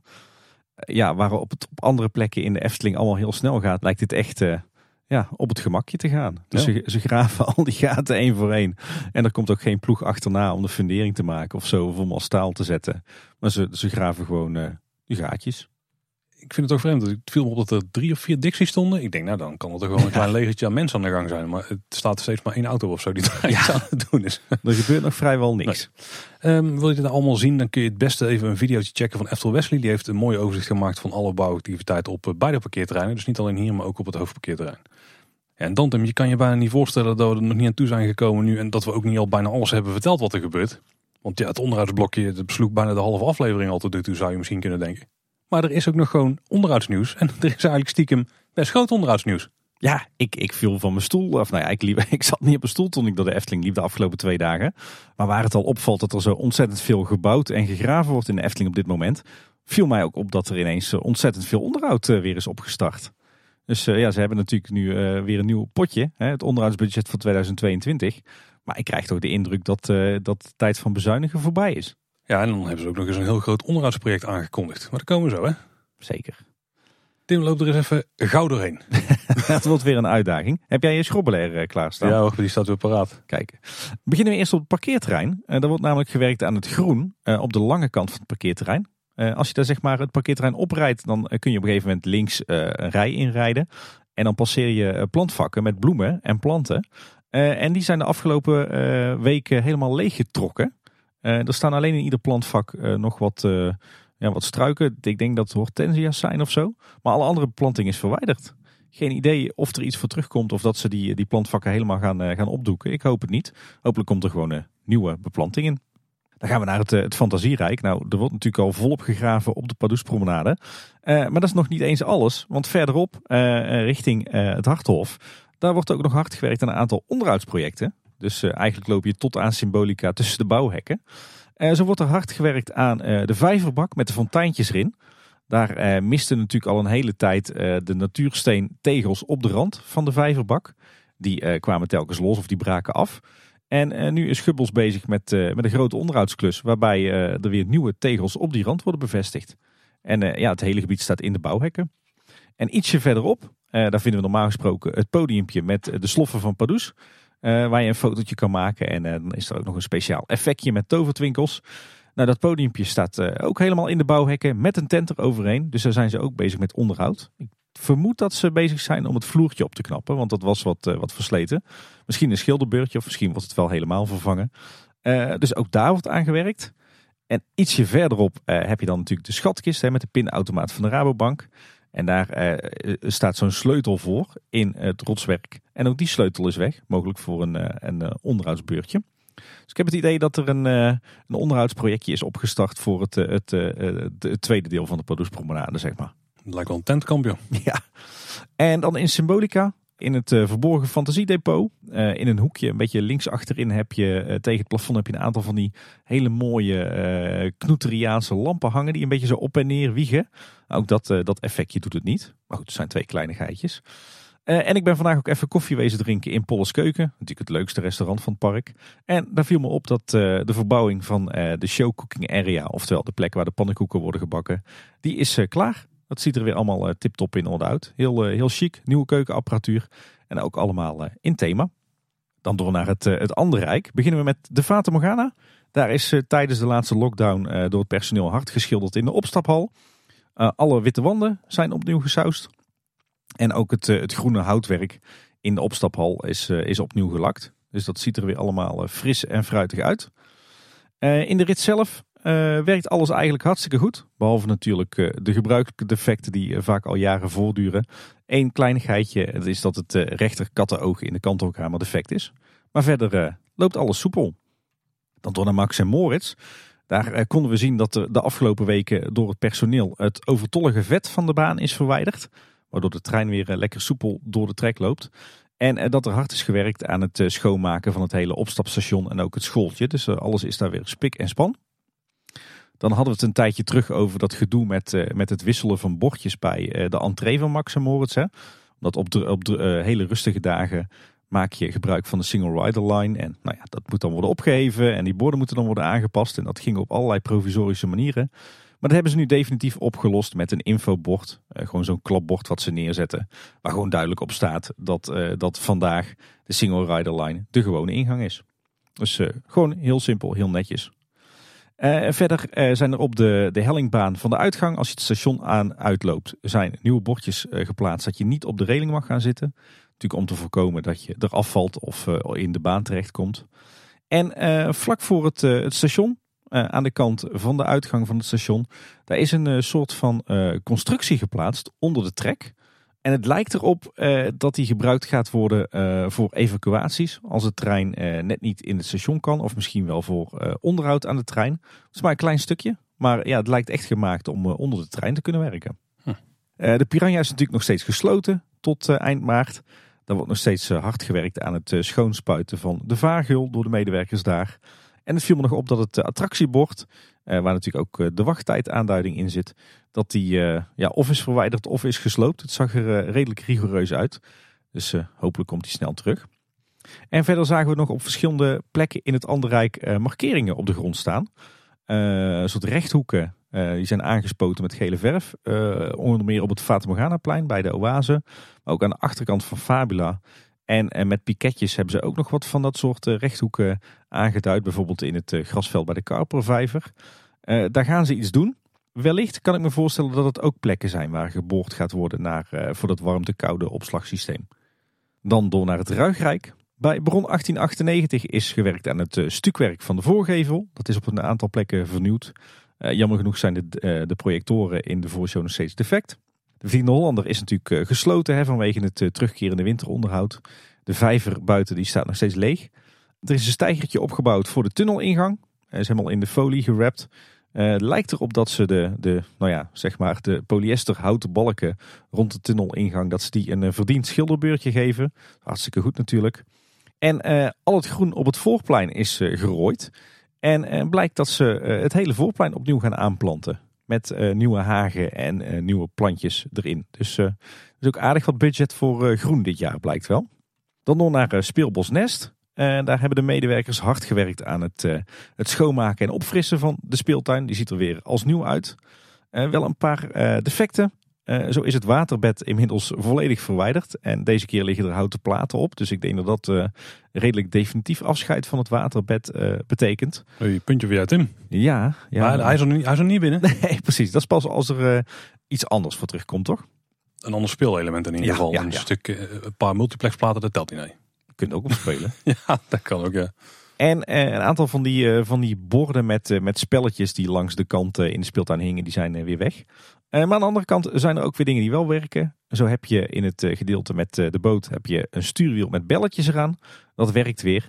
En ook de kanonskogels rond dat schip, die zijn bijgewerkt met zwarte verf. Dus die zien er weer netjes uit. En tot slot problemen bij de halve maan. Die kampte vorig jaar natuurlijk al met de nodige storingen. Eh, half december leken al de problemen opgelost te zijn. Maar inmiddels staat de halve maan weer stil vanwege een technisch probleem. Ehm, er is aan het licht gekomen bij het opstarten van de attractie. Eh, onbekend is of het om hetzelfde probleem gaat als voorheen. Maar de verwachting is dat het defect sneller kan worden verholpen dan de vorige keer het geval was. Eh, maar goed, dat is afhankelijk van een externe partij, zegt de Efteling daar zelf over. En ik denk dat dat Intamin is. Wat natuurlijk de, de leverancier is van de halve maan. Hoe de, de Super Bounty, zoals die bij hen in de catalogus staat. Poeh, dat klinkt de halve maan wel veel beter. Ik heb wel trek in een Super Bounty hoor. Ja, hoe groot, zou die dan niet zijn? Zo groot als je onderarm of zo. Ja. hey Tim, door naar het reisrijk denk ik, of niet? Ja, maar nou mag jij even, Paul. Nou mag ik even. Mag ik het grote nieuws gaan brengen? Ja, kan ik even een colaatje achterover tikken? Ja, want we weten inmiddels dat er groot onderhoud gaat plaatsvinden bij Pagode. Vanaf 28 februari tot en met begin juni zal die gesloten zijn in verband met groot onderhoud. En op het Efteling blog is een artikel verschenen waar ze het een beetje toelichten. Daar staat een interview met strategisch projectleider Peter Kouwenberg. En die vertelt dat ze het in, eh, in meerdere projecten gaan opdelen. Eigenlijk drie stuks. Ze gaan namelijk de lagers vervangen. Die hebben namelijk in 35 jaar wat slijtage opgelopen. En daarvoor moet de stalen arm van 225.000 kilo en het contragewicht van 340.000 kilo. Die moeten ervan afgedeeld worden, zodat ze de lagers van de as in het scharnierpunt kunnen vervangen. Daarom gaan ze grote kranen plaatsen om het eh, geheel in evenwicht te houden. En er wordt een hijsframe gebouwd waarmee ze de arm dan stukje voor stukje kunnen optillen. Ongeveer anderhalve meter hoogte. Nou, voor heel dat ding, Tim. Dat is echt een, dat is wel een projectje. Ja, eigenlijk wordt de hele pagode dus volledig gewoon opgetild. Ja, en dan komt er dus een extra constructie bij om te voorkomen dat de arm wegschiet. En een soort rolsysteem. Nou, dit is echt een gigantisch uh, project. En computers gaan dan in de gaten houden. Die kunnen echt op de millimeter nauwkeurig blijven in de gaten houden wat er gebeurt. Zodat ze altijd weer terug kunnen naar het nulpunt. En dat uh, zou vier weken duren om die lagers te vervangen. Uh, daarnaast gaan ze de besturing vervangen. Dat is het tweede grote project. En ze gaan gewoon weer terug naar het originele systeem met koolborstels. Nu werkt volgens mij met een grote draad die wordt opgerold en afgerold. Ja, echt gewoon een uh, dikke elektriciteitskabel hè? Ze gaan dus terug naar een, een koolborstelsysteem, dus met van die sleepcontacten. Dus dan kan hij in theorie gewoon steeds dezelfde kant op draaien. Ja. Een van de dingen die ze namelijk willen doen is de capaciteit uh, opkrikken. En die gaan ze ook flink opkrikken, blijkt dadelijk. Nou ja, ze gaan de, de arm van de pagode gaan ze opkrikken, hè? maar dat is dat eerdere deelproject. Tim, je bent scherp vandaag. maar die kabel die ze dus nu gebruiken, die is enorm zwaar. En daardoor kunnen er minder mensen mee in de pagode. Want de huidige capaciteit op dit moment van één ritje is 60 personen dus per rit. En als ze daar dit complete onderhoud hebben afgerond, dan kunnen er weer 100 gasten per rit mee. Dus dat is een flinke, flinke verbetering van de capaciteit. Die gaat met ruim 65% omhoog dadelijk. Ja. Ja, misschien even uitleggen. Het gaat eigenlijk om de, om de verbinding zeg maar, tussen, uh, tussen de arm. Dus zeg maar, uh, daarmee heb je ook verbinding met, met de grond, zeg maar. En de tempel. Want de tempel draait natuurlijk rond. Ja, hoe breng je nou elektriciteit en, en dataverbinding uh, tot stand tussen een draaiend onderdeel en een vast onderdeel? Ja, in het verleden dus met koolborstels. Zo'n eikensoort. Ja, wat zijn het? Een soort plaatjes die in een rails lopen. Die gewoon ja. rond kunnen draaien. Uh, dat, dat is aan heel veel slijtage onderhevig. Of dat was het vroeger. Systeem zie je trouwens ook bij droomvluchten met de laafmonorail. En dat hadden ze opgelost door er eigenlijk gewoon een dikke stroomkabel in te leggen. Die telkens oprolde en afrolde. Waardoor je dus ook de ene keer met de klok mee en de andere keer met de klok terug. Uh, of tegen de klok in moest draaien. Maar nu krijgen we dus weer gewoon uh, koolborstels.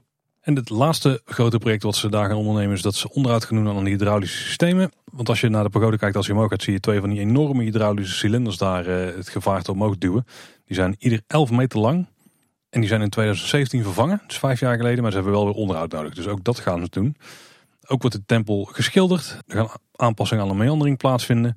Er komt betere beveiliging bij de poortjes. Dat kan niet zoveel kwaad, want daar zou je als je wil gewoon heel makkelijk tussen kunnen stappen. Ja. Er komt ook extra verlichting op. Oeh, misschien zijn we af van de, een beetje de kermisverlichting die daarop zit. Laat het hopen. Uh, en er komt een speciale windmeter, dus dan kan die nog veiliger omhoog.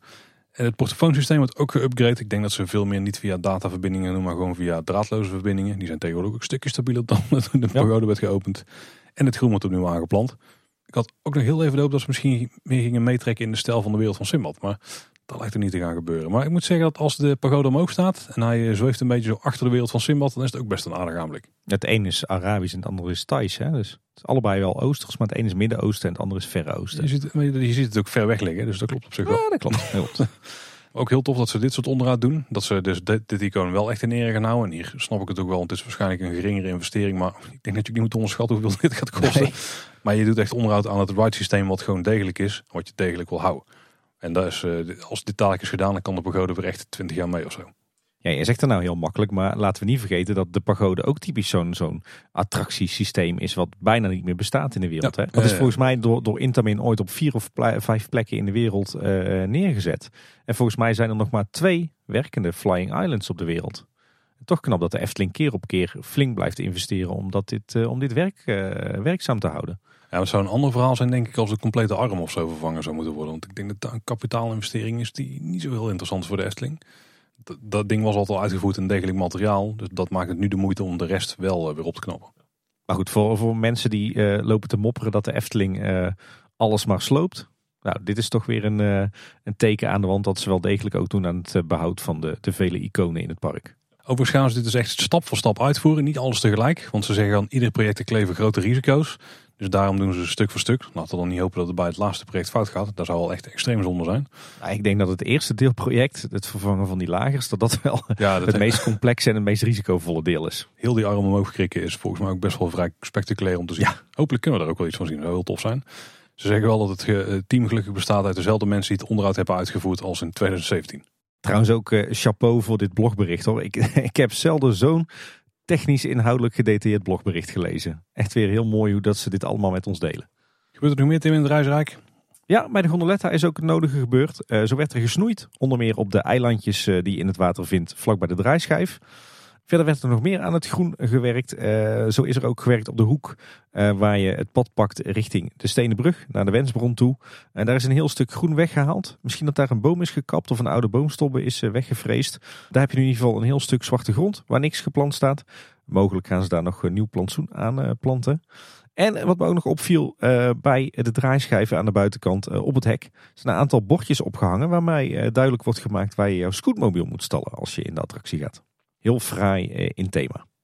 Dan door naar het Maanrijk beginnen we met Droomvlucht. Daar had je in de meandering eh, heel lang een eh, stokoude eik staan. Daar is hij weer. Ja, inderdaad. Die is op een gegeven moment jammer genoeg gekapt. Maar nog heel lang zag je die stobben in, in het groenvak zitten. Die is weggevreesd. Dus er is een flink gat in het plantvak ontstaan. Ik ben benieuwd of ze dit helemaal gaan dichttegelen. Of dat, dat we hier toch nieuw groen gaan terugzien. Of misschien zelfs wel een mooie nieuwe boom. Eh, in de attractie zelf hebben diverse elfjes eh, nieuwe pruiken gekregen. Viel me op dat ze allemaal eh, lekker veel krullen hebben nu. Alleen jammer genoeg, in het eh, Zompenwoud staat de vijver nog steeds leeg. Dus betekent geen water bij de Zompen, geen regen en zeker geen mist. Dan naar Villa Volta. Daar is een van de grote kroonluchters in de hoofdshow defect. Is nog wel een dingetje, want we weten inmiddels dat eh, die lampen niet meer worden, worden geleverd. Dus ik ben benieuwd hoe ze dat gaan, eh, gaan oplossen. Misschien dat eh, binnenkort wel alle verlichting door LED wordt vervangen in de hoofdshow. Wie zal het zeggen? Door naar het Lavelaar. Eh er wordt nog steeds gewerkt aan het Lonkhuis. Het huisje links van de hoofdingang. Eh, alle leidjes liggen inmiddels wel op de daken. Dat is ook allemaal netjes eh, afgewerkt. En het lijkt erop eh, dat ze de steiger eh, gaan afbreken. Alleen de houten trap, eh, die je zeg maar vanuit het Lonkhuis naar beneden in het dorp brengt, richting eh Lots Kraamhuis, die is nog niet eh, teruggebouwd. Dat gebeurt waarschijnlijk zodra de steiger is weggehaald. Dan bij het Witte Paard. Dat restaurant is momenteel gesloten. mogelijk voor onderhoud. Er werd in ieder geval onderhoud uitgevoerd aan de luifels van het overdekte terras. Dat zijn nog die, die lelijke dingen die bij de verbouwing in 2001 zijn aangebracht. Een aantal van die plexiglazen platen zijn verwijderd in een aantal van die luifels. Mogelijk dat die worden vervangen of dat er eh, onderhoud wordt uitgevoerd aan die gasverwarmers die eronder hangen. Dan is eh, de grote boombak op eh, de hoek bij het gemak en het Happiness Station is helemaal leeg gehaald. Daar stond vroeger een grote boom in. Ik weet even niet of dat die al eerder gekapt was of nu pas. Maar ze hebben in ieder geval nu helemaal leeg gegraven. Ben benieuwd of dat daar ook nieuw groen in gaat komen. Lijkt erop dat zeker de tuindienst toch een flinke extra budget heeft gekregen dit jaar. Eh, en aan de achterkant, aan de kant zeg maar bij het eh, poffertje en Geel en de Gijs, daar is eh, extra dakveiligheid aangebracht. Dus daar zie je nu allerlei leuningwerk op de daken staan. Dan eh, natuurlijk door naar het Sprookjesbos. Daar is trouwens ook heel verrassend een nieuw onderhoudsprojectje gestart. Want de Prinsenpoort, het, eh, het stokoude poortgebouw tussen het Herautenplein en, de Indische waterlelies, die krijgt groot onderhoud. Daar zijn van de daken alle panlatten vervangen en er komen zelfs nieuwe leidjes. Je ziet op heel veel andere plekken in de Efteling dat ze de oude leien behouden en weer terugspijkeren. Eh, Maar hier krijgen we echt nieuwe leidjes. Ook geen overbodige luxe, want eh, die waren echt eh, stokoud en poreus. Eh, je vindt op verschillende plekken in het Sprookjesbos borden nu, waarop we lezen doorgang naar het Herauten Spatieplein. Belemmerd. Dat is op zich een, denk ik een vrij lastige mededeling voor veel mensen. Wat bedoel je daar nou mee? Eh, en ik moet zeggen, het is nogal een uitdaging om nu je weg te vinden in het Sprookjesbos. Sowieso omdat eh, ja, de Prinsenpoort is toch best een belangrijke doorgang in de Sprookjesbosroute. Die is dus gestremd. Nou, die borden die zijn een beetje onduidelijk. En bovendien is dus ook nog de uitgang bij het Warrelplein dicht. Dus het, het is een beetje spoorzoeken in het Sprookjesbos momenteel. Over eh, spoorzoeken gesproken. de tuin van Hans Grietje is opgeschoond. Daar, eh, normaal gesproken werd daar iedere, iedere voorjaar en iedere zomer werd daar allemaal hele fleurige beplanting eh, in de tuin gezet. Eh, afgelopen jaar niet. Er stonden ineens een aantal van die verlepte struikjes in. Volgens mij ook een eh, bezuinigingsmaatregel. Maar dat is er allemaal weer uitgeriekt. Dus hopelijk krijgen we hier binnenkort ook weer mooie fleurige beplanting. Nou, nou als we het toch over fleurig hebben. Het film op het oranje die daar uit de fonteintjes komt, die echt enorm helder was. Knaloranje, ook met extra eh, licht om het aan te zetten, zeg maar. Ook met gekleurd licht. Dat is te nieuw volgens mij, want het was altijd een beetje zo'n cola kleur die daar eh, omhoog werd gespoten. Ja, ook een beetje, een beetje smoezelig, een Ja. beetje troebel. En misschien wordt het dan nog met de tijd en hebben we toevallig op de allereerste dag gezien, nadat we hebben verschoond, maar het viel enorm op. Wat ook mooi is, is dat op verschillende plekken in het Sprookjesbos eh, de verharding, de betegeling zeg maar, eh, rond de bomen is gefatsoeneerd. Er stond aardig wat, eh, wat straatwerk omhoog door, eh, door wortels. En dat hebben ze nu allemaal netjes gemaakt. Overigens met respect voor de bomen, want het pad eh, wijkt gewoon op een aantal plekken terug. Dan bij het meisje met de zwavelstokjes zijn eh, de mooie piekse schildjes verwijderd die eh, over de speakers zitten. Bij dat dioramaatje daar. Die zullen een eh, schilderbeurtje krijgen. En bij de uitgang van het Sprookjesbos, eigenlijk net voorbij de uitgang bij de Marskramer, daar wordt flink gegraven. Er, wordt daar er wordt een heel groot, ja, eigenlijk kubusvormig gat gegraven in, in de ondergrond. Eh, ik dacht er eerst aan dat hier misschien een eh, nieuwe boom geplant zou gaan worden. Want ook hier stond zo'n enorme eik die een paar jaar terug eh, jammer genoeg is gesneuveld. Ehm, maar te zien aan al het materiaal wat daar opgeslagen stond, gaan ze daar infiltratiekratten maken. En dat zijn zeg maar ja, een soort ondergrondse voorzieningen waar eh, een hoop eh, hemelwater in kan lopen. Dus we lopen tussen stenen door in die bak en dan kan het zo rustig de grond in trekken. Exact. Nou, la- laten we hopen dat, eh, dat hier toch ook nog een boom terug gaat komen. Op zich kan je eh, zo'n infiltratievoorziening ook prima combineren met, eh, met een boom. Maak je er gewoon een mini-mangrove van. Ik ben voor. En, en nog opvallend, en ook een beetje pijnlijk, eh, het huisje van vrouw Holle, of eigenlijk eh, het voorheen het huisje van vrouw Holle, is eh, door de Efteling nu eh, volledig van de parkplattegrond verwijderd. Nou, laten we hopen dat het tijdelijk is. Ja, want eh, dat huisje moet zeker terugkomen. Maar wel een hint dat we de rest van het jaar het huisje niet eh, opgebouwd hoeven te gaan zien worden. Tja, jammer wel. Ik snap wel dat het weghalen, want voor mensen die dus niet het, stukje historie erachter kennen, is het wel verwarrend als je een huisje zou moeten zien en die niet meer ziet en dat je dan geen idee hebt op de kaart waar je bent. Daar heb je gelijk in. En tot slot nog één klein eh, puntje van onderhoud in de wereld van Efteling. Want het, eh, het Efteling personeel heeft eh, de grote vijver achter voormalige Café de Efteling. Wat nu natuurlijk het, het, ja, het honk is van het Efteling personeel. Die hebben ze schoongemaakt en onderhoud gegeven. Dus die is ook weer helemaal schoon en fris. Ja, dan door naar het kort nieuws. Eh, het is ons opgevallen dat op heel veel plekken in het park tijdelijke speakers zijn verschenen. Bijvoorbeeld op het dak van de meandering van Fata Morgana, bij het Spookslotplein, bij het Vliegende Hollanderplein en ook rondom het Anton Pieckplein. Er is al mee getest. Ik hoorde rond half vijf wat tests eruit komen op de woensdag. En ik vermoed dat dit dus voor het feestlied gaat zijn wat we met de 70ste verjaardag gaan horen. Dus buiten die speakerinstallatie die er al is, hebben ze ook nog extra speakers aangebracht om dat eh, lied overal ten gehore te gaan brengen. En dan eigenlijk echt, echt overal. Nou ja, gezien de locatie eh, lijkt het me er eerder op dat, eh, dat het dus niet gaat werken via dat calamiteitenomroepsysteem. Want ze staan vaak naast die speakers. Oh oké, dat is me niet eens opgevallen. Ja. Oh, nee, dan, eh, dan zal het alleen over dat systeem zijn. Ik, ik denk dat het eerst een heel slim plan is geweest, maar dat dat misschien niet heeft gewerkt. En dat ze daarom nu overal die tijdelijke speakers neerpleuren. Ik weet niet hoe blauw we moeten zijn. De test die ik in ieder geval heb gehoord was echt met hele poppy muziek. Nog zonder zang en zo. Dus zal ik niet de feestmuziek zijn. Maar er zijn plekken in het park waar dat niet heel erg geplaatst is, denk ik. Ik, eh, ik hou mijn hart vast. Ik moet zeggen dat, eh, dat het eh, jubileumlied voor 30 jaar Disneyland Parijs, dat die best wel lekker klonk. Oh, dan kunnen we daar elkaar niet de hand schudden, denk ik. Nou ja, althans niet Efteling, sorry. Zeker niet een Efteling, maar het luisterde wel lekker weg, toch? Ja, het glazuur spat weer van je tanden af, hè? Zoals Ja. altijd daar. Lekker toch? En wat ons nog opviel is dat op LinkedIn een bericht langskwam dat er een creative producer is ingehuurd voor een zomersproject door de afdeling entertainment van de Efteling. Dat kan maar één ding betekenen, toch? Zouden we eindelijk weer nieuwe zomeravonden krijgen? 2022 wordt een enorm mooi jaar. En er stond er een extra hint in.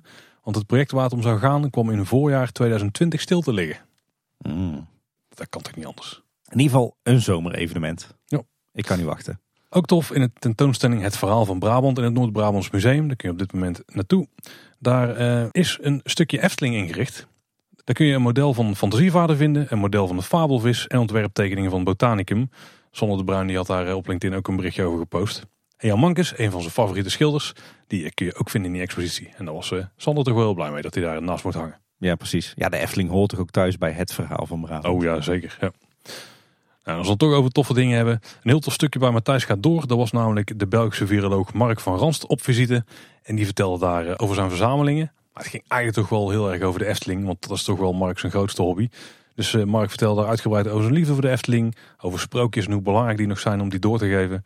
En hij liet ook een paar plattegronden zien, Tim. Een heel mooi boek met illustraties van Anton Pieck. En een paar originele illustraties van Anton Pieck. Waar je ook nog zag dat wat zwarte lijntjes waren weggeveegd met een Ja. soort verf of typex. Echte originele tekeningen van Pieck had hij in zijn collectie.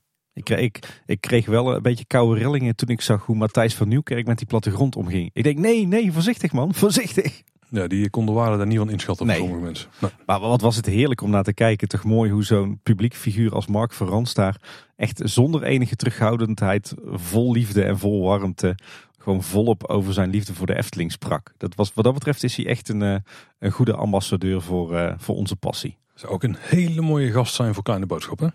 Absoluut. Ik heb eh, in ieder geval zitten genieten op mijn bank. En een van de directieleden van de Efteling op dit moment is Koen Sanders. Die gaat onder andere over de marketing en eh, over communicatie. En over heel veel meer trouwens. Ik kan zijn... Commercie, creatie en ontwikkeling. En hotels en resorts. Ja, ik wou net zeggen, het is meer dan alleen daar. maar in ieder geval een uitgebreide titel. Die kun je horen in de Anders Denken podcast. En een paar opvallende zaken die er langskwamen is dat eh, de, de marketing richting het Verenigd Koninkrijk op een wat lager pitje staat op dit moment. Jammer, want daar wonen heel veel verstokte pretparkfans. Ja, alleen ik kan me natuurlijk voorstellen dat het reizen vanuit die hoek niet op dit moment wel lastiger is. Dus zodra dat we aan gaat trekken dat de communicatie van de Efteling die kant op weer wordt opgeschroefd. Ook interessant is dat zodra er een persconferentie is, dus de overheid, over de status van corona in het land, dat er dan om half acht meteen een mini-meeting is eh, met de directie. En een van de mensen, zijn er vier begreep ik, van het operationeel coronateam. Eh, en daarna komt het communicatieteam ook bij elkaar, inclusief de mensen van HR. Want stel er moet, eh, er moet iets gebeuren op het gebied van personeelzaken, ook belangrijk dat die erbij zijn. En dat ze dan om 9 uur de berichtgeving naar buiten willen doen, ook voor de medewerkers. Dus zo snel schakelen ze op zo'n moment. Dat is, dat is in het begin wel eens anders geweest, denk ik. Maar daar hebben ze inmiddels vrij goed in de Dat is een mooie geweest. gestroomlijnd, die eh, procedure, ja. En eh, het ging ook nog over wat zaken die slim zijn voor de toekomst. En een van de dingen die werd aangehaald is dat ze dus niet meer willen snijden in het personeel. Of eh, zo snel als er dingen ja, de verkeerde kant op lijken te gaan. Want dat er andere manieren zijn om dat op te lossen. Viel me vandaag trouwens ook op in het park. Heel veel nieuwe medewerkers overal die werden ingewerkt. Er stond echt enorme bezettingen op sommige attracties en horecapunten. Omdat er eh, ja, gewoon hele groepen nieuwe medewerkers werden ingewerkt. Goed nieuws voor eh, komend zomerseizoen. Ja, en ook goed nieuws voor Domien Verschuren. Je hebt hem al een keer kunnen horen in Kleine Boodschap. Die is namelijk komende donderdag voor één dag directielid bij de Efteling ter ere van zijn verjaardag. Tja. Lig je jaloers, Tim? Eh, dat is natuurlijk een hele ludieke actie. Dus eh, Geen beslissingsbevoegdheid. hè? nee, alles voor de bühne zullen we maar zeggen. Maar wel heel tof eh, voor Domien natuurlijk. Leuk voor Domien. Die moet Ja, ook nog eens een keer voor de microfoon halen hier. Ook een hele goede gast voor Kleine Boodschap. Ja. Dan een berg merchandise nieuws. Kan niet anders dan dat het park een tijdje dicht is geweest. Eerst even een klein stukje follow-up. We hadden het de vorige keer over eh, die pins hè, die uitkwamen. De nieuwe Smitje pins. Stond trouwens een enorme wachtrij voor de afgelopen dagen. Ik hoorde van mensen dat er zelfs mensen met complete zakken vol met euro's eh, naar die automaat kwamen. Om maar zoveel mogelijk van die ballen eruit te trekken. We kregen van luisteraar de Galante Rout, schitterende naam, een stukje feedback hierover. De kelner op een van die nieuwe Smitje pins, die is afkomstig van het nieuwe bord dat op in den Horen des Overvloed staat. Op zich niet gek dat we dat niet helder hadden. Want eh, het is natuurlijk een schande dat het originele bord eh, daardoor vervangen is. Hè. Vroeger hing daar een bord. Wilt je voor uw wijf iets zoeken? Dan vindt men hier Ja, iets en koeken. Uh, Brabantse koeken. Brabantse koeken. ja, Prachtig bord. Eh, dat is vervangen door, eh, door een nieuw bord met de kelner. En eh, die is uiteindelijk dus op deze pin beland. Eh, en ik heb trouwens ook nog wat uitzoekwerk gedaan. Want we hadden het ook over die, die kabouter die een soort Mhm. gong in zijn hand had. Eh, die konden we ook niet echt plaatsen. Maar die blijkt te komen van het eh, plattegrondbord. Wat je links voor de huidige EHBO-post vindt. Daar staat ook de tekst. Wilt je in het park niet verdwalen, dan kunt je hier uw weg bepalen. Eh, ooit nog door Anton Pieck ontworpen voor de automatische informateur. Eh, de pla- pratende plattegrond die we nu in het Efteling Museum vinden. Eh, en boven dat tekstbordje staat dus die kabouter met die gong in de hand. En die vinden we nu dus ook terug op een pin in het smetje. Er is ook bij Bekkerij Krummel een nieuw koekblik te kopen. Een tinnen koekblik met de reliefbedrukking. Die kun je leeg kopen, dat kost die 7,50. Die kun je vanaf nu al kopen. Of gevuld met koekkruimels, die je ook al los in de bekkerij kunt kopen. En die kosten 10 euro. En die zijn vanaf eind februari beschikbaar. Niet geschikt voor mensen met bodemdrift. Nee, ik denk dat dit hier eh, niet heel lang zal volhouden. er zijn ook een nieuwe koelkastmagneten te koop. Met uitgevreesde Efteling logo's. En die zijn dan ingevuld met foto's van bekende Efteling figuren. Voor 3,50 te kopen in het park. En eh, als je echt van de details houdt en eh, die wil hebben in je Efteling verzameling. Er is eh, een nieuwe legpuzzel. Nederland in vogelvlucht. Dat is een kaart van Nederland met eh, een hoop monumenten ingetekend. 350 stuks. Van de Efteling zijn er ook een paar ingetekend. Namelijk Langnek, de Python, Pagode en het Huis van de Vijf Zintuigen. Het is een puzzel van duizend stukjes en die kost 30 euro. En te bestellen via stefantimmers.com. Linkje vind je in de show notes. En eh, natuurlijk dank aan onze souvenirwatcher Carlo van Schijndel voor de tip.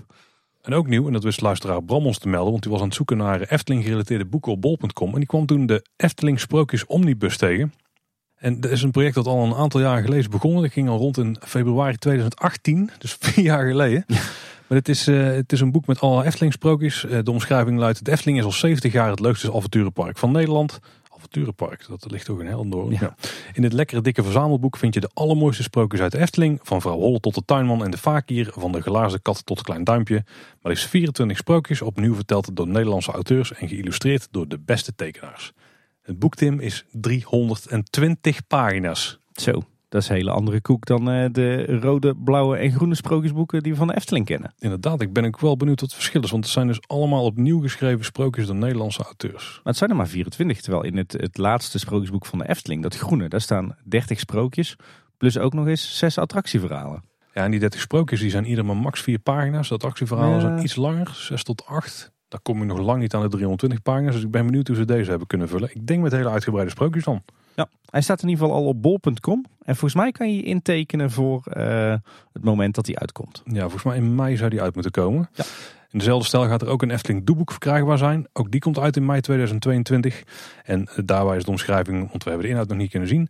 Alle bekende Efteling figuren komen langs in dit lekkere, dikke doeboek. Kleur de sprookjes in, tel de gaatjes, zoek de verschillen en verbind de ertjes. Hint naar een nieuw sprookje misschien. Oeh. Het zal wel meevallen. Of naar het oude sprookjesmuseum natuurlijk. Daar konden we echt ook bezichtigen. Nou, ik denk als je heel goedkoop en simpel een sprookje wilt uitbeelden, dat de prinses op de echt echt Die- fantastisch geschikt is. Dat was ook een heel makkelijk pop-up sprookje geweest trouwens. Eh, dit boek is 64 pagina's en die gaat 8,99 euro kosten. En die kun je voor zover we nu weten alleen maar bestellen via bruna.nl. Heb je interesse? Ik denk vooral voor je kinderen in het laatste geval. Bestel die daar alvast. hey Paul, weet je wat nou typisch een souvenir is wat volgens mij fantastisch zou doen, maar wat ik echt mis in de Efteling? Flessen schrobbelair. ja, dat ook. Eh, nou ja, wij zijn allebei eh, vaders van jonge dochters. En ik weet niet hoe het bij jou zit, maar ik ben iedere dag wel in de weer met eh elastiekjes en haarspeltjes en zo. En Ik vind ze overal. In mijn Ja. broekzakken, in mijn, in mijn vesten, in mijn jassen. Ja. ja, geklipt aan mijn, aan mijn truien of ergens inderdaad in een jaszak. Maar die dingen die verdwijnen bij ons ook, ook om de haverklap. Maar wat zou nou leuker zijn dan gewoon een aantal setjes haarspeltjes voor meiden met Efteling figuren? Een flesje schrobbelair, dat is wel leuker denk ik. Ja, maar toch. Oh, maar ja, nee, die speltjes is ook wel een goed idee. Ja, Ja. zeker. Ja. Volgens mij is dat een, een easy score voor de eh retail afdeling van de Efteling. Gewoon een paar leuke setjes haarspeltjes voor weinig. Ja, we hebben naast de standaard kleuren ook met allerlei figuren erop. Ja, dat zou bij de Efteling perfect passen. Ja, ja de- bij, wij hebben nu een, een, een kuub aan eh, Disney haarspeltjes. Dat moet natuurlijk Efteling haarspeltjes worden. Overloper. Ja. Vervangen die hap. Voor de thuiskoks onder ons op het Efteling-blog stond het recept voor de broodpizza raclette en spek. Dat is natuurlijk de brood, een van de broodpizza's die je kunt kopen in Bekkerij Krummel. Dus check het recept daar en dan kun je hem zelf maken. Ik heb een aantal luisteraars gezien die hebben het gedaan en het beviel goed. Het zag er ook goed uit wat er op verschillende foto's voorbij kwam. Het zag er zelfs vrij vergelijkbaar uit met wat je gewoon in het park kan vinden. En ik zag dat vriendinnen van de show Boukje Koop zelfs een bieradvies had bij de broodpizza. Oh, wat was dat? Heb ik niet onthouden, Paul. Was niet het pruimbier eh, uit België? Nee. Oh, gelukkig. Dat lijkt me echt ontzettend ranzig. Ook een tip van Daan Jongbloeds. Die houdt de Efteling app altijd goed in de gaten voor ons. Daar staat nu uitleg bij gesloten attracties. En dan krijg je echt de reden waarom die gesloten is. Al lijkt het nog niet altijd te kloppen. Nee. Maar dan staat er dus bij dat het bijvoorbeeld vanwege weersomstandigheden is. Of vanwege onderhoud. Maar dat natuurlijk eh Eftelings verwoord met een mooi rijmpje. Het zou mooi zijn als je een taalinstelling hebt. Dat je hem op zijn kleine boodschaps kunt zetten. Of gewoon op de general public. Ja, dan bij Kleine Boodschap krijg je dan te zien van eh, sensor 28 eh, is Oh, ja, uitgevallen in verband met de thermisch effect. Ik ben voor, dat wel tof zijn. Hey, vacatures, die zijn er ook weer een berg. 25 stuks was de selectie die je dit keer hebt gemaakt, Tim.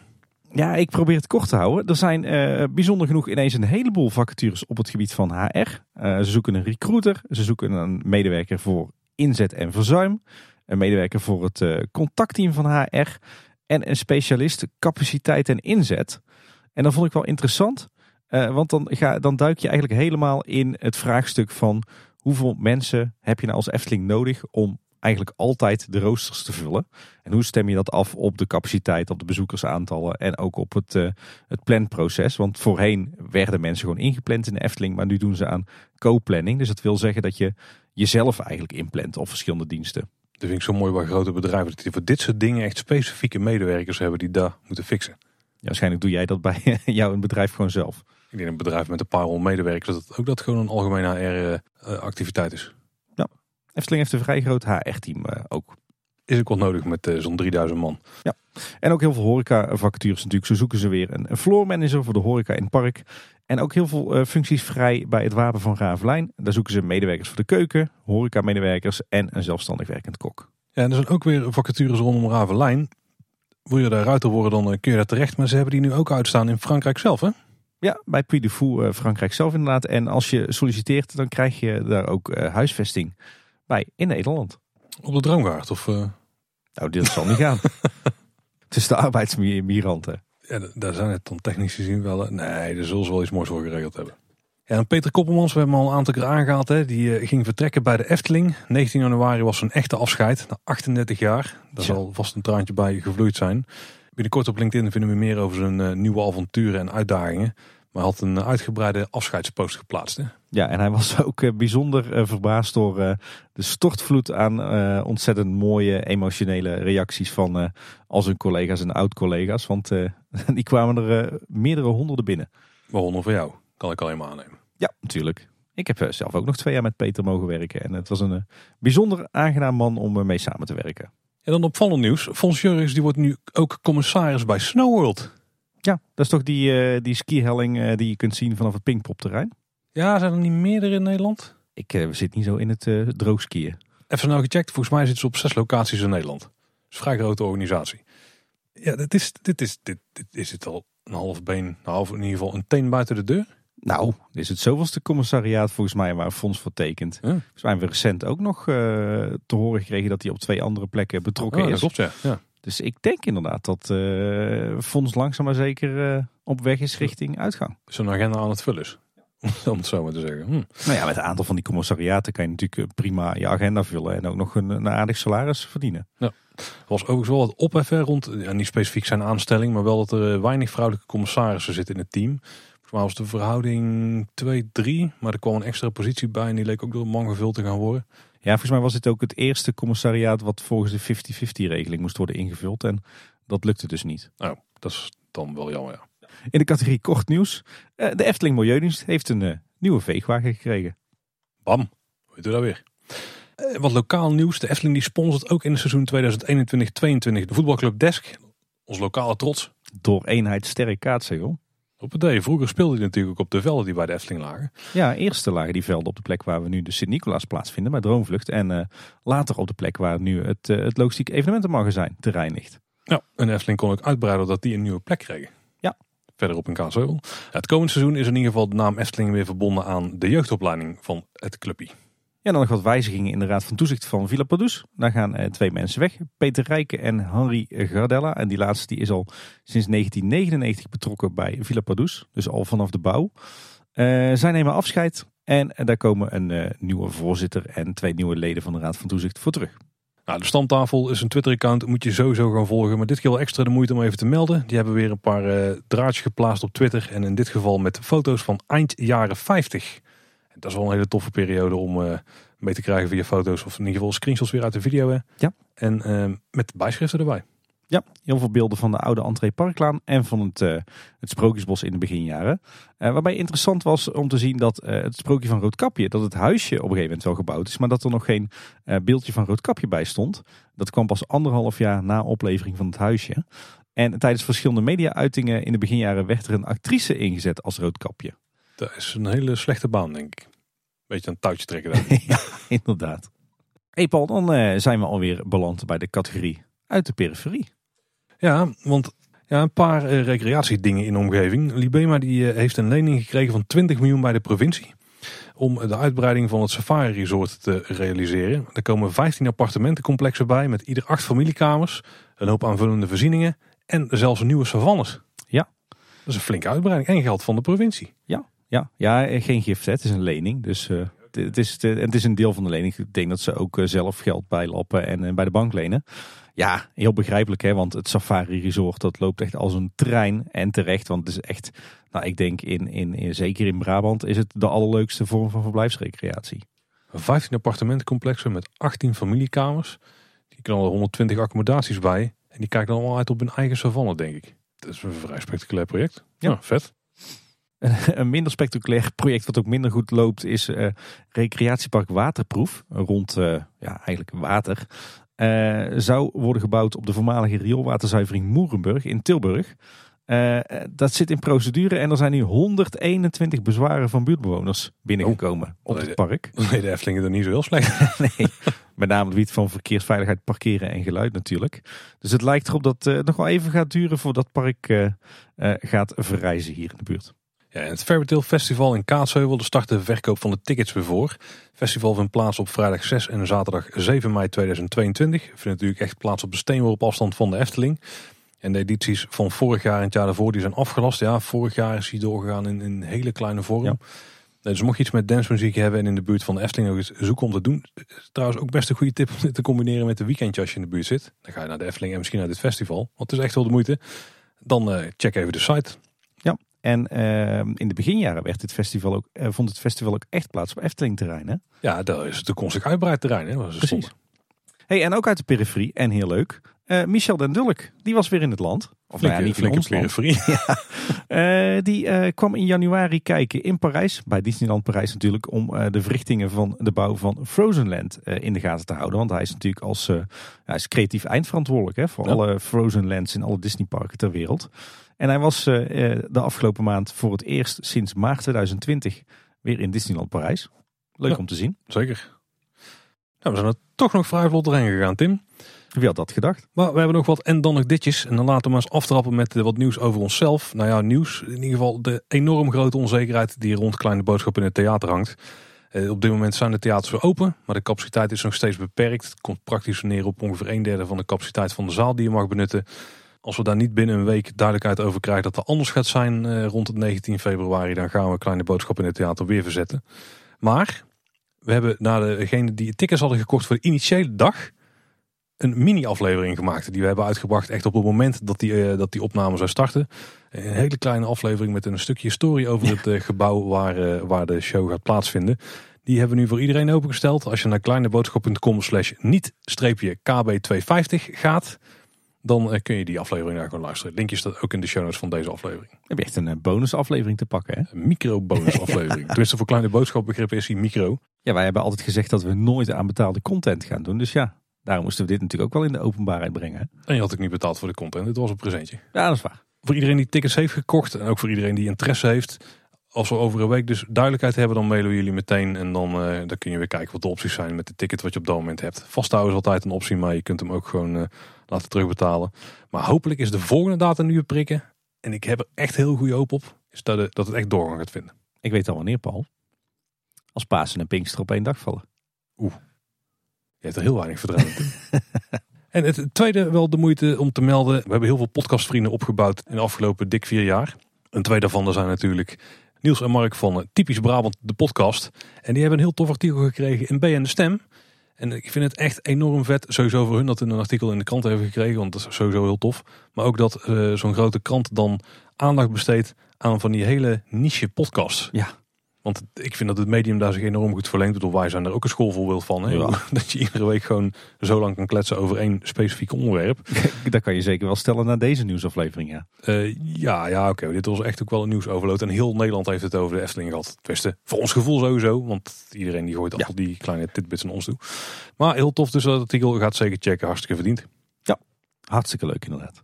Tim de Efteling is weer open, maar dat was natuurlijk niet iedere dag tijdens de afgelopen twee weken. Sterker nog, het was maar twee dagen in de afgelopen twee weken. Dus je hebt vast nog andere dingen uitgevreden. Ja, wij zijn weer lekker veel de natuur in geweest en ook weer een paar keer de grens overgestoken. En uh, natuurlijk hier in, eh, in de buurt er even op pad geweest, onder meer op Huisterheide en in de Oosterwijkse bossen. Maar ook meer richting uh, Os, de Maashorst. Uh, daar heb je bijvoorbeeld het Dokus de Daspad. Heel leuk om te wandelen met, met kleine kinderen, met allemaal opdrachtjes onderweg. En bij Herperduin heb je ook een heel tof gebied. Binnen een enorm natuurspeeltoestel in de vorm van een das. Heel avontuurlijk. Waterspeeltandje erbij en een uitkijktoren. Dus dat was tof. Maar eigenlijk mijn twee toptips van deze aflevering mhm. zijn twee uitjes in België. Die alle twee echt honderd keer leuker waren dan ik uh, had, uh, had verwacht. Eerste wat ik met jullie wil delen is ons uh, bezoekje aan provinciaal recreatiedomein De Schorre in Boom. Dus uh, lekker aansprekend. Ja, ja. ja, niet bepaald. Maar het is de plek waar normaal gesproken Tomorrowland plaatsvindt. Oh ja. ja en dat is uh, ja, zeg maar echt een, een natuur- en recreatiegebied met, uh, met wat, wat grasweides en waterpartijen en dergelijke. Maar ook een heel tof bos. Dat is een gebied waar vroeger boomse klei werd gewonnen. Dat is hele vettige klei, die gebruikten ze altijd voor bakstenen. Uh, en uh, Tomorrowland heeft als bedankje naar het, uh, zeg maar het provinciaal recreatiedomein... hebben ze een Deense kunstenaar trollen laten bouwen in dat bos. Ik dacht dat ze me bekend voorkwamen. Volgens mij hebben wij die in Denemarken ook gezien. Dat zou zomaar kunnen. Het is een Deense kunstenaar. Maar jij denkt misschien trolletjes van die leuke kleine dingen. Maar het zijn dus echt metershoge trollen. Ja, ik denk, hoe groot zullen die beesten zijn? Ik denk een metertje of zes, zeven toch makkelijk. Ja. Die in allerlei poses zijn neergezet in dat natuurgebied. Helemaal gemaakt uit afvalhout. Ontzettend indrukwekkend. Het is een hele toffe wandeling langs. Wel behoorlijk avontuurlijk, want uh, je gaat af en toe aan je knieën door de, door de klei heen. Met uh, bergen en dalen en, uh, en glijpartijen. Maar tof gebied. Hele ga, heel gaaf met die trollen. mooi uit, uitkijkpunt erbij. Dus absoluut een aanrader. En wat ook heel tof was, is Robotland. Iets totaal anders. Dat klinkt sowieso wat aantrekkelijker. Ja, zeker. Echt iets voor jou trouwens. En voor jouw kinderen. Eh, in Essen, vlak over de grens eh, bij Roosendaal, zit een oude treinloods. En dat is helemaal gewijd aan eh, moderne techniek en natuurkunde, maar dan op een kindvriendelijke manier gebracht. Zeker niet kinderachtig, maar het, het, draait rond robots, rond drones, robotarmen. Ze worden trouwens ook gesponsord door KUKA, bekend van de KUKA-armen van, nou, je kent ze, de attracties. Maar het, het gaat ook over projectietechniek. Het, het gaat over uh, hoe systemen werken. Er is een vliegtuigsimulator, een bootsimulator. Je kunt werken met een, uh, een portaalkraan. En dat is allemaal binnen. En buiten hebben ze ook nog een heel terrein waar je met je kinderen op allerlei uh, vehicles kunt rijden. Van segways tot, tot van die bobkatjes tot heuse kranen. En die mag je gewoon allemaal zelf besturen en spelletjes mee doen. ongelooflijk leuk. dus ja, zowel in de Schorren als in Robotland hebben we een hele toffe dag gehad. Zeker aanraders. Anne heeft eh, over allebei ook weer een eh, blogje geschreven. Zal ik naar linken in de show notes. En Anne is trouwens ook zonder mij nog naar Hydro Doe geweest. Wat eh, ook weer een soort doemmuseum is, maar dan rond, rond water. en dat ligt in Herentals. En ook daar zal ik nog een linkje naartoe plaatsen. leuke uittips als je in België eens wat leuks wil doen. Ja, klinkt vet. Ja. En tot slot nog twee kijktips. Wat ik zeker een aanrader vind is de Nederlandse miniserie The Spectacular. En door de naam trap ik er steeds in dat het geen Nederlandse serie is. Maar... Het komt waarschijnlijk door het onderwerp. Uh, het eh, gaat namelijk over uh, de aanslagen van de Real IRA eind jaren 80. en die opereerden vanuit Limburg. En hoe die uiteindelijk te pakken zijn genomen door de Nederlandse recherche. Is een serie van Pupkin. Die maken altijd hele toffe producties, vind ik. Gaat over, over waar gebeurde, ja, vaak toch misdaadsituaties. En uh, die, uh, die series zijn altijd heel mooi geproduceerd. Die, dan zit je namelijk helemaal in de sfeer uit die tijd. Echt heel tof gedaan. Met in de hoofdrol Hadewig Minis. Toch uh, een van de meest aantrekkelijke vrouwen van Nederland. Dus absoluut een aanrader. En wat ik ook, ook heel mooi vond en ook heel aangrijpend is de Netflix-serie 22 juli. Draait rond de aanslagen van Anders Breivik in, mm in Noorwegen, onder meer op Utoya heel respectvol in beeld gebracht. Je ziet niet de aanslagen, je ziet ook niet anders Breivik, maar wel wat de impact daarvan is op onder meer een journalist, eh, een arts, een politieagent en ook op, eh, op de gewone mensen op straat. Echt eh, heel intrigerend en heel aangrijpend. Er is ook een film over gemaakt. Hè? Is het, dit is een mooie aanvulling daar dan op, omdat het perspectief anders is. Ja. Oké. Nou, dan zijn we er weer doorheen, Tim.